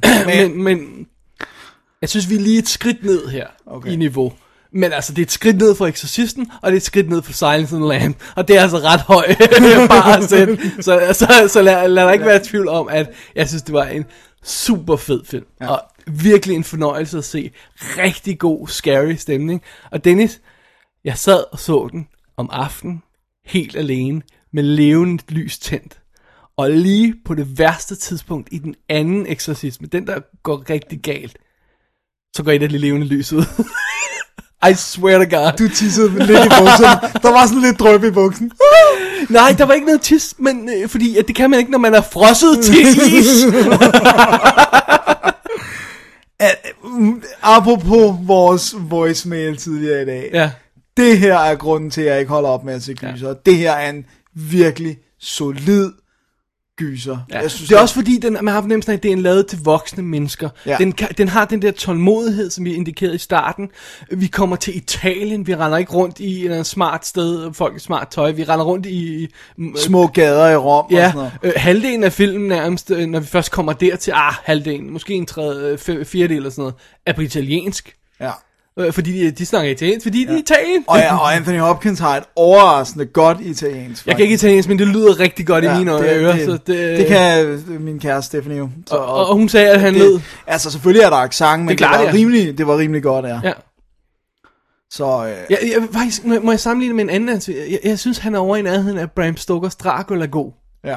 Okay, Fordi det, det, er også sådan, det er sådan lidt genækkende øh, glimt i øjet præstation, ikke? Ja. Øh, som jeg ikke vil sætte op til Silence of Lambs, men, men, men, men damn han- close, ikke? Ja, ja det, men han har, det der også bare gjorde, at jeg virkelig synes, der er et moment, jeg tror godt, du ved, hvad det er for et, der virkelig flår mit hjerte ud, øh, altså med hans skuespil, Anthony Hopkins, øh, sent i filmen, Okay. Hvor jeg bare sådan virkelig synes, wow, det, det, det er der, hvor man bare siger, ja, ja, han er i en anden liga, han er en fantastisk skuespiller, han har rent faktisk fortjent alt det ros og priser og sådan noget. Ja. Jeg synes, og jeg tror faktisk, det, jeg tror det, at du, netop det der med, at det er en gyser til voksne, det er selv samme grund til, at den ikke er blevet et hit. For det er ikke torture porn, det er ikke uh, action Men det er okay hit i USA. Det er selvfølgelig også sammenlignet med, hvor dyr den er og Ja. sådan noget, men, men den har jo ikke taget sådan noget som de der Saw-film og alt sådan noget. Altså, Jeg aner ikke, hvad der har taget mig til at stå, hvis jeg skal helt... Du har ikke tallene Nej, foran jeg har ikke tallene foran mig, Det må lige tjekke op på. Ja. Øhm, en anden, en, jeg lige vil nævne her i den her sammenhæng, det, det er Alice Breger, Breger, Braga, Breger, jeg ved ikke, hvordan man siger ja, det, ja. Øh, som vi jo for eksempel har set i Repo Man og i Predators. ja. Øh, som er journalist, der kommer ind og, og, og vil undersøge lidt af den her sag om eksorcisme og sådan noget. Hun er vildt god. Ja. Det er fedt, og det, det er så behageligt, fordi han er præst, så der, det behøver ikke at være love interest. Nej. Der behøver ikke at være, Nej, øh, han små... må, der må jo ikke, fordi Nej, han er katolsk. præst. ikke? Så det er sådan lidt, øh, ja, okay, så er vi ud over det. Og Rodger Hauer, for søren da, selvom jeg er ked af at se, at han er ved at blive en gammel mand, så er han fandme også god i den her. Ja, han er virkelig god. Ja. Men jeg har fået totalt lyst til at se den igen. Jeg synes virkelig, det er en god film. Altså. Og så en sidste ting, jeg vil nævne, Ja. bare lige for sjov, fordi jeg tænkte, der er sgu meget lækkert skudt den her. Så slår jeg øh, fotografen op. Ben Davis, han har skudt Stardust og Kick-Ass for Matthew Vaughn. Og så har han skudt Franklin, den engelske øh, sci-fi mystery thriller, som vi, du vist ikke har fået set endnu, vel? Jo, den har jeg set. Du har fået set den? Jeg kunne rigtig godt lide den. Ah, nice. Men, men han har virkelig, det er nogle fede film have på ja. sit tv, og så denne her, den er også vildt, vildt stemningsfuld. er meget. Det er rigtig flot. Og han, den måde, han sådan... fordi at for eksempel uh, Father Lucas Anthony Hopkins karakter, han har jo det her lækre, rigtig rustikke, gamle italienske hjem med sådan en lille for, sådan forgård, hvor der ja. man kan sidde og sådan noget. Og det får han bare... Han får lyssat det perfekt, så det er bare så stemningsfuldt. Altså. Ja. Ej, man, I love this Og så er det igen ikke det, det, det føles ikke overdrevet, det føles ikke sådan, du ved, øh, Ja, det er sådan, kan sige, at bruge det, det er MTV musikvideo-agtigt, hvor lys og b- blink og blå og det hele ja. og sådan noget, ikke? Altså, det føles godt, Ja. rigtigt, nede på jorden. Helt nede på jorden. Ja, helt nede på jorden. Så nej, jeg synes, The Right var en absolut fantastisk film. Det er godt, så er vi jo helt enige. Simpelthen. Dejligt. Det er som om, du synes, det var, det var en anelse mere fantastisk, end jeg gjorde. Ja, det går godt. Men det, var, det igen, jeg skal ikke fras, frasige mig muligheden af, at det er, fordi i kontrast til alt det andet gys, jeg ser, så er det her freaking Oscar material, altså. Fair nok, fair nok. Dennis, det leder os til aftens sidste film, Ja, som jeg ikke har originaltitlen på, så vi må klare os med den engelske. Jeg tror heller, jeg har originalt Den hedder Asaya og jeg et eller andet. Den, har, den hedder kun et ord. Okay. I Saw the Devil hedder Ja. den på engelsk. Det er en koreansk film, og øh, vi har det jo sådan med koreanske film, at der var en stor periode, hvor vi elskede dem meget højt, og så synes vi ligesom, kvaliteten faldt lidt, og så blev der pludselig langt mellem snapsene. De snapser, der var, de var rigtig gode, Ja. øh, men, men der er langt, har været langt mellem. Man skulle være tålmodig. Ja, og det her, det var så en af dem, den er, den er instrueret af Kim Ji-woon, Woon, Woon, Ja. som lavede Tale of Two Sisters, Bittersweet Life og The Good Bad and the Weird, som vi anmeldte for noget tid siden, eller som jeg anmeldte for noget tid siden. Så allerede der tænker man, okay, det må være oppe i den høje Ja. enhed, ja, Tale of Two Sisters er Ja. en af mine all-time favorit koreanske film. som du ikke har tur gense. Nej, jeg øhm, og så er der, øh, så er der begynder rygterne at komme ud fra filmfestivalerne om den, at den er, øh, nej, det, det startede sgu med, startede det ikke med det der med, at de ville give den en X-rating i Korea, fordi den var for blodig og for voldsom. ja, og seksuel vold også. Ja, og så er det der, vi allerede siger, wow, okay. ja. Og øh, så begynder der at komme rygter ud fra festivalerne, hvor folk snakkede rigtig, rigtig godt om den. Så den kom faktisk til os med en del boss. ja. Det, det er jo altid hårdt for en film. Ja, kan den leve op til det? Ja. Men øh, lad os lige fortælle, hvad historien handler om kort. Dennis, vil du tage den ind? Ja, det kan jeg godt. Ja. Øh, og vi, vi, jeg, hvis jeg kløjs lidt i navnene, så må du leve med det. Det er fint nok. Hvad hedder det nu? øh? Vi har den unge mand, Kim So, som bliver spillet, øh, hedder Kim So Hyun Hyun, og bliver spillet af Lee Byung Hyun. Øh, Go for it der. Ja. Øh, han er øh, politibetjent, og øh, hans... Øh, Skal vi lige have med, det er ham, vi kender fra Bittersweet Life. Ja. Og så var der ham, der var øh, Storm Shadow i G.I. Joe. Okay, det er rigtigt. Jamen, det er rigtigt. G.I. Joe. Episk film. Øh, han er politibetjent, og... Øh, Nej, agent. Nej, agent, undskyld. Ja. Agent. Hans, øh, er det kone? Jeg kan ikke huske, om det, ja, det er hans kone, ja. Hun er øh, fanget i et snevejr, sidder og venter på en, øh, sådan en bil, der kan komme og skifte hendes dæk, da der kommer en mand og øh, tilbyder hende sin hjælp. Øh, og øh, det hun afviser og siger, nej, det, det er sgu egentlig i orden, jeg skal nok, jeg venter bare på den her bil. Hvortil han øh, kommer løbende, smadrer ruden og flår hende ud. Og øh, ja, skal vi ikke bare afsløre? Noget med en hammer. Noget med en hammer. Det, og det er ikke så rart. Nej. Og øhm, Skal vi lige have ham på plads? ja, det er øh, øh, Choi Min Sik, som vi kender fra Oh Boy og øh, Sympathy for Lady Vengeance blandt andet. Øhm, og han øh, er en værre, ubehagelig mand, som gør ting ved konen, som man egentlig ikke har lyst til at vide. Som man ikke må. Ja, og øh, det er ikke så godt. Og øh, det, problemet er også bare, selvfølgelig at hendes mand er agent, han går i gang med at finde ud af, hvad der er sket. Han kan ikke slippe tanken om hævn over øh, den person, der har gjort det her ved hans kone. Og det er så her, han får øh, en file fra politiet, der siger, på at vi har fire mistænkte. Ja. Vi tror, det er en af dem. Ja. Hvorefter han går i gang med at nakke dem alle sammen. Ja. øhm, det er så her, vi begynder at sige, hvor meget skal vi egentlig fortælle af den her historie? Fordi filmen spiller 2 timer og 23 minutter. Ja. Og, tror jeg roligt, vi kan afsløre på nuværende tidspunkt, han finder the guy efter 42 minutter. Ja. Og så sidder man og tænker, hvad Hvad? fanden skal resten af filmen handle om? Og det, som resten af filmen handler om, er det, der er det fede. Og jeg ved ikke, hvor meget vi kan komme ind på det. Skal vi ikke afsløre, at han er ude efter hævn? Men for ham er det ikke nok hævn, bare at øh, slå ihjel, så han udvikler en plan, som er næsten, hvis ikke mere, øh, monster og devious, end den her øh, serial killer er, i håbet om, at han kan nyde den her hævn og trække ja. den ud. Døden er for, for øh, nem en Så man kan udvej. spørge sig selv, hvem der helt præcis saw the devil her i ja, den her sammenhæng. oh, den er svær at snakke alt for meget detaljer om, men jeg tror, jeg, lad mig starte med at sige det på det, det, den her måde. Jeg synes, filmen er alt for lang, Men jeg vil ikke have nogen anelse om, hvad for en scene jeg skulle fjerne. For der er ikke noget af det, jeg kan undvære. Synes jeg, du, den er for lang? Ja, jeg konstaterer bare, at sætte sig ned og se en to, to timer og to, 23 minutter lang film på koreansk, det er lang tid. Det føles lang tid. Det synes jeg, det gør. Ja. Øh, men igen, der er ikke noget, jeg vil fjerne. Den kører over stok og sten, og der er masser af historier. Der sker hele tiden noget. Så jeg vil ikke vide, hvad jeg skulle fjerne. Nå. Ja, altså nu havde du advaret mig øh, med spilletiden, at den var Ja, det hjalp måske så- lidt også i din Ja. indstilling det. Også, og jeg, jeg, jeg, jeg, jeg sagde også undervejs, da jeg så den sms'en, jeg sagde, nu har de fundet ham. Hvad skal resten af filmen handle om? Så du vidste de der ting. Ja. Og det, det hjælper måske, når man sætter sig ned og ser den. Det der med, at man ved, det handler ikke om at finde the guy, og det gør han så i den sidste scene efter to og en halv time. That's not the point. Nej, der er noget andet på spil ja. Her. Jeg, jeg, jeg følte den ikke som lang, fordi jeg faktisk var rimelig godt øh, underholdt fra start til slut. Men, men altså, men, men man kan selvfølgelig sige sådan rent objektivt, er 2 timer og 23, det er en lang film. Det er en lang Men film, den og, det, og, føles det, og ikke det er også det der med, hvor, hvor tit tager man sig ned af hylden, ikke? Fordi jeg kender det fra mig selv. Ja, man har ikke lige altid to og en halv time. Nej.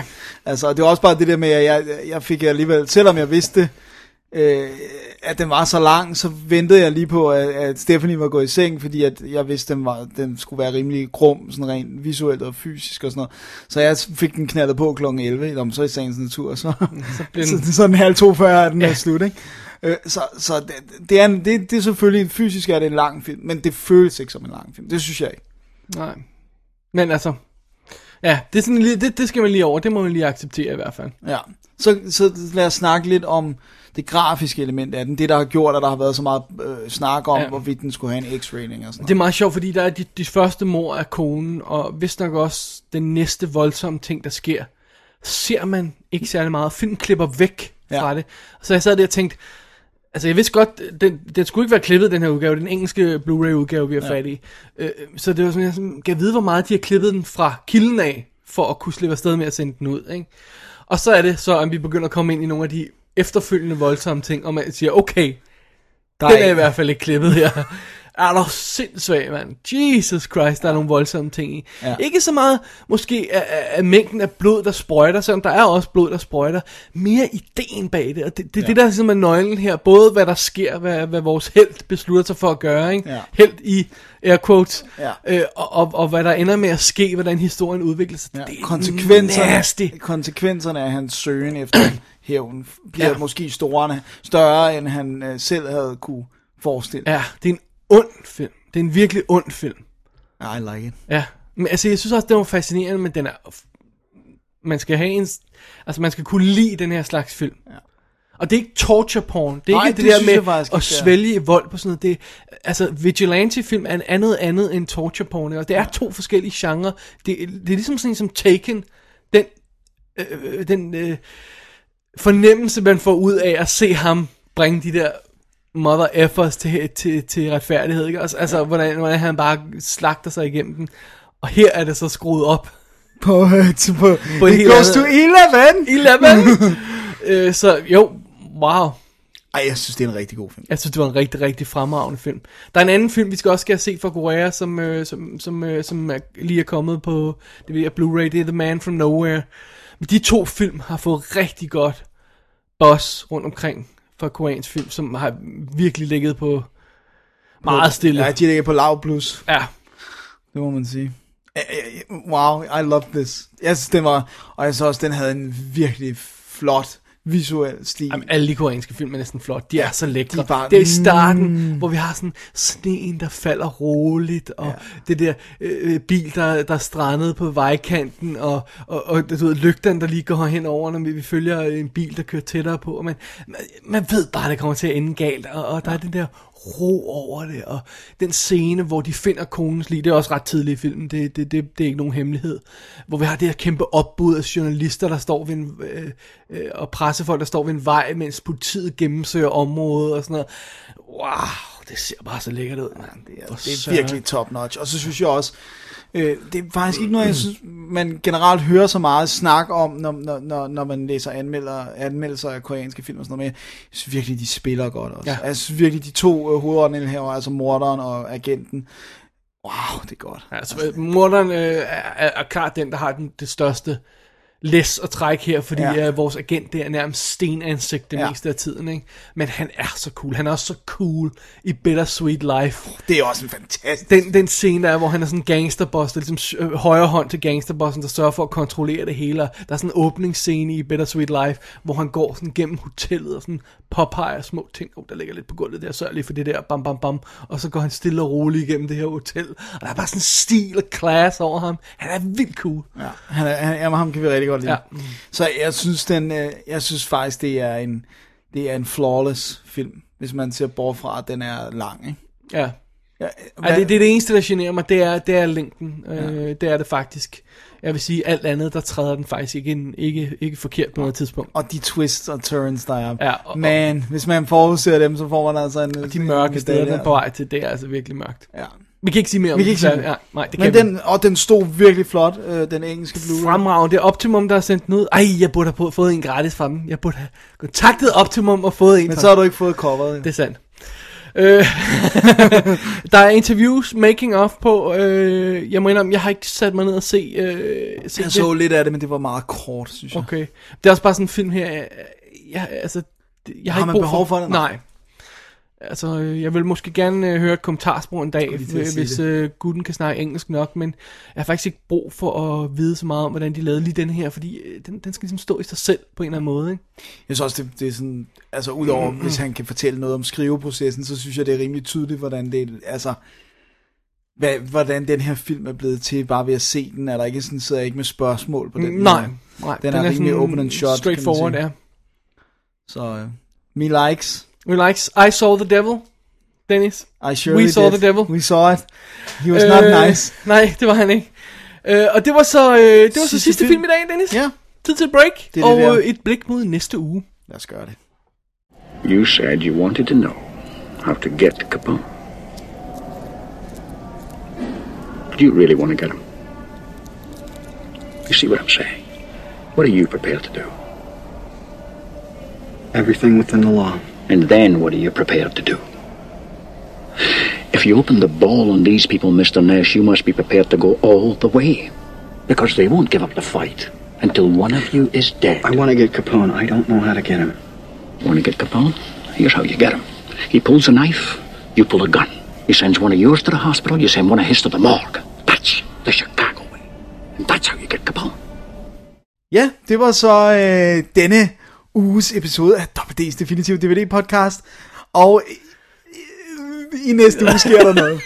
I næste uge. Vi glæder os helt Ja, det bliver godt.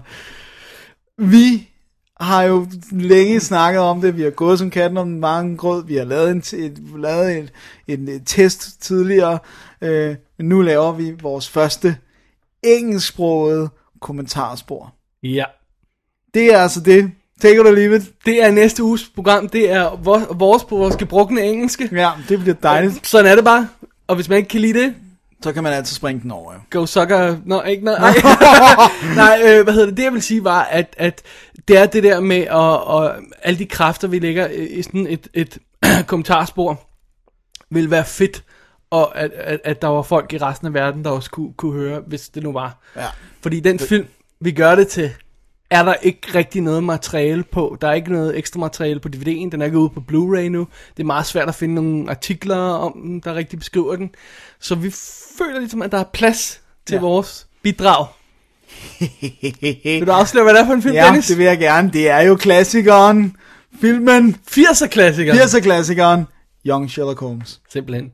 Så det er, det er den, vi tager fat på, og øh, som du siger, den fortjener, at der kommer lidt med sådan noget materiale om den, for der er stort set ikke noget at få fat i. Og øh, ja, og nu skal, skal vi så teste vores engelske af. så det bliver også meget interessant. Meget interessant. Så vi laver ligesom vi gjorde med, med Madagaskar kommentarspor. Vi har lavet en del mere research den her gang, ja, tror jeg roligt, jeg kan konstatere. Det bliver ikke bare fun and games. Vi, vi, vi sætter os simpelthen ned og ser filmen. Der bliver en kort introduktion, og så går film, så sætter vi filmen i gang undervejs, og så, øh, og så kan man følge med. Og hvis man har en til at se udgaven af filmen, som spiller en time, 48 minutter og 48 sekunder, så kan man synke vores kommentarspor op præcis til filmen og sidde og se dem samtidig. Eller man kan bare høre det som en podcast, og så man kunne høre lyden i baggrunden ganske svagt. Ja. That's it. That's it. Det er planen. Take it or leave it. Ja, og skal vi sige, at, at det er helt på plads, at det ikke bliver... Det bliver jo så nok ikke launched under Double D-banneret. Øh, Altså jo, den, den kommer på som almindelig Double D podcast, men samtidig så vil vi lave en, øh, en side, øh, hvor vi samler nogle af de engelske kommentarspor, for det, vi, vi håber, at vi kommer til at gøre det mere fremover. Ja. Øhm, så jo, jo, det er jo en officiel Double D-branded episode, og den ligger i vores almindelige feed og sådan noget den stil der, men der bliver bare sådan en ekstra side, hvor man kan læse noget om på. Men alt det kommer vi tilbage til, vi skal nok sige det i episoden og sådan noget. Øhm, måske vi også kunne lave en lille dansk introduktion og lægge op i vores øh, ekstra feed eller sådan noget. Bare lige sådan for, fordi vores, vi, vi jo elsker vores hardcore lytter. Ja. Det kan vi lige finde ud af. Ja, Vi ser, hvad vi gør. simpelthen Det eneste, vi ved, er, at vi skal lave et kommentarspor til Young Sherlock Holmes. til Young Sherlock. Så har man også lige tid til at skaffe den, ikke? Det, vi, Ja. ja. vi lægger den ud om en uges tid. Jeg tror, det bliver næste torsdag, det vil sige... Øh, hvad er det, den 16. Ja, det må det være. Ja, torsdag den 16. juni. Ja. Ryger den på. Alright. Alright. Det, det, det er sådan, det skal være. Simpelthen. Øh, så skal vi, jeg synes også lige, vi skal have en sidste ting med. Ja. Jeg synes, vi skal have med, at vores øh, faste lytter Martin Hovlind har lavet anden episode af sin tegnefilm podcast, som man kan finde inde på tegnefilmpodcast.blogspot.com. Eller man kan bare gå ind på iTunes og søge på Så er der tegnefilm. Så er der tegnefilm podcast, ja. Det er en øh, episode 2, snakker han om øh, øh, anime-filmen Summer Wars. Og jeg hørte episoden, før jeg havde set filmen, fordi jeg nåede simpelthen ikke at se filmen. Men jeg synes, det var fedt at få nogle af tingene på plads. Jeg føler mig faktisk mere klædt på til at se filmen nu. Jeg ved ikke, om jeg lige når det sådan nu her. Men, Nej, nu men, har vi men nu lidt. har jeg sådan øh, lidt facts på plads. Der er ikke sådan en speciel spoiler i, så man kan faktisk godt høre den, uden at have set filmen. Og så få lidt blød på tanden til at se filmen. Sådan. Så øh, godt job, Martin. Og øh, ja, Det var det. Dennis Ja. Rosenfeldt. David Bjerre, det her det var Double D's definitive DVD-podcast. Man kan gå på www.dk og gå ind under episode 103 i arkivet, og øh, så kan man finde links, som vi har snakket om. Man kan se alle de øh, udgaver og titler, der ligger det hele. Og så kan man selvfølgelig følge os på Twitter og på The Facebook. Og man kan meget gerne lægge en voicemail, ligesom din lillebror har gjort, på Simpelthen. 36 96 08 84. Og hvis man ikke gider det, så må man også meget gerne sende en mail til daviddennis at gmail.com. Ligesom Niels gjorde. Ja, Så tak til Niels og Benjamin for bidrag. ja, Og tak til lytteren for at lytte med. Det er det. Og vi høres ved in English In English. i næste uge. Det bliver godt. Det bliver rigtig godt. Så rigtig god fornøjelse med alle de glade film, vi har snakket om i dag. God fornøjelse. Double D's Definitive DVD Podcast. Det var sådan noget, hvor de ville bare gerne have mig til at sige et ord på et tidspunkt. Hvor jeg var så sådan, traktor! Plov!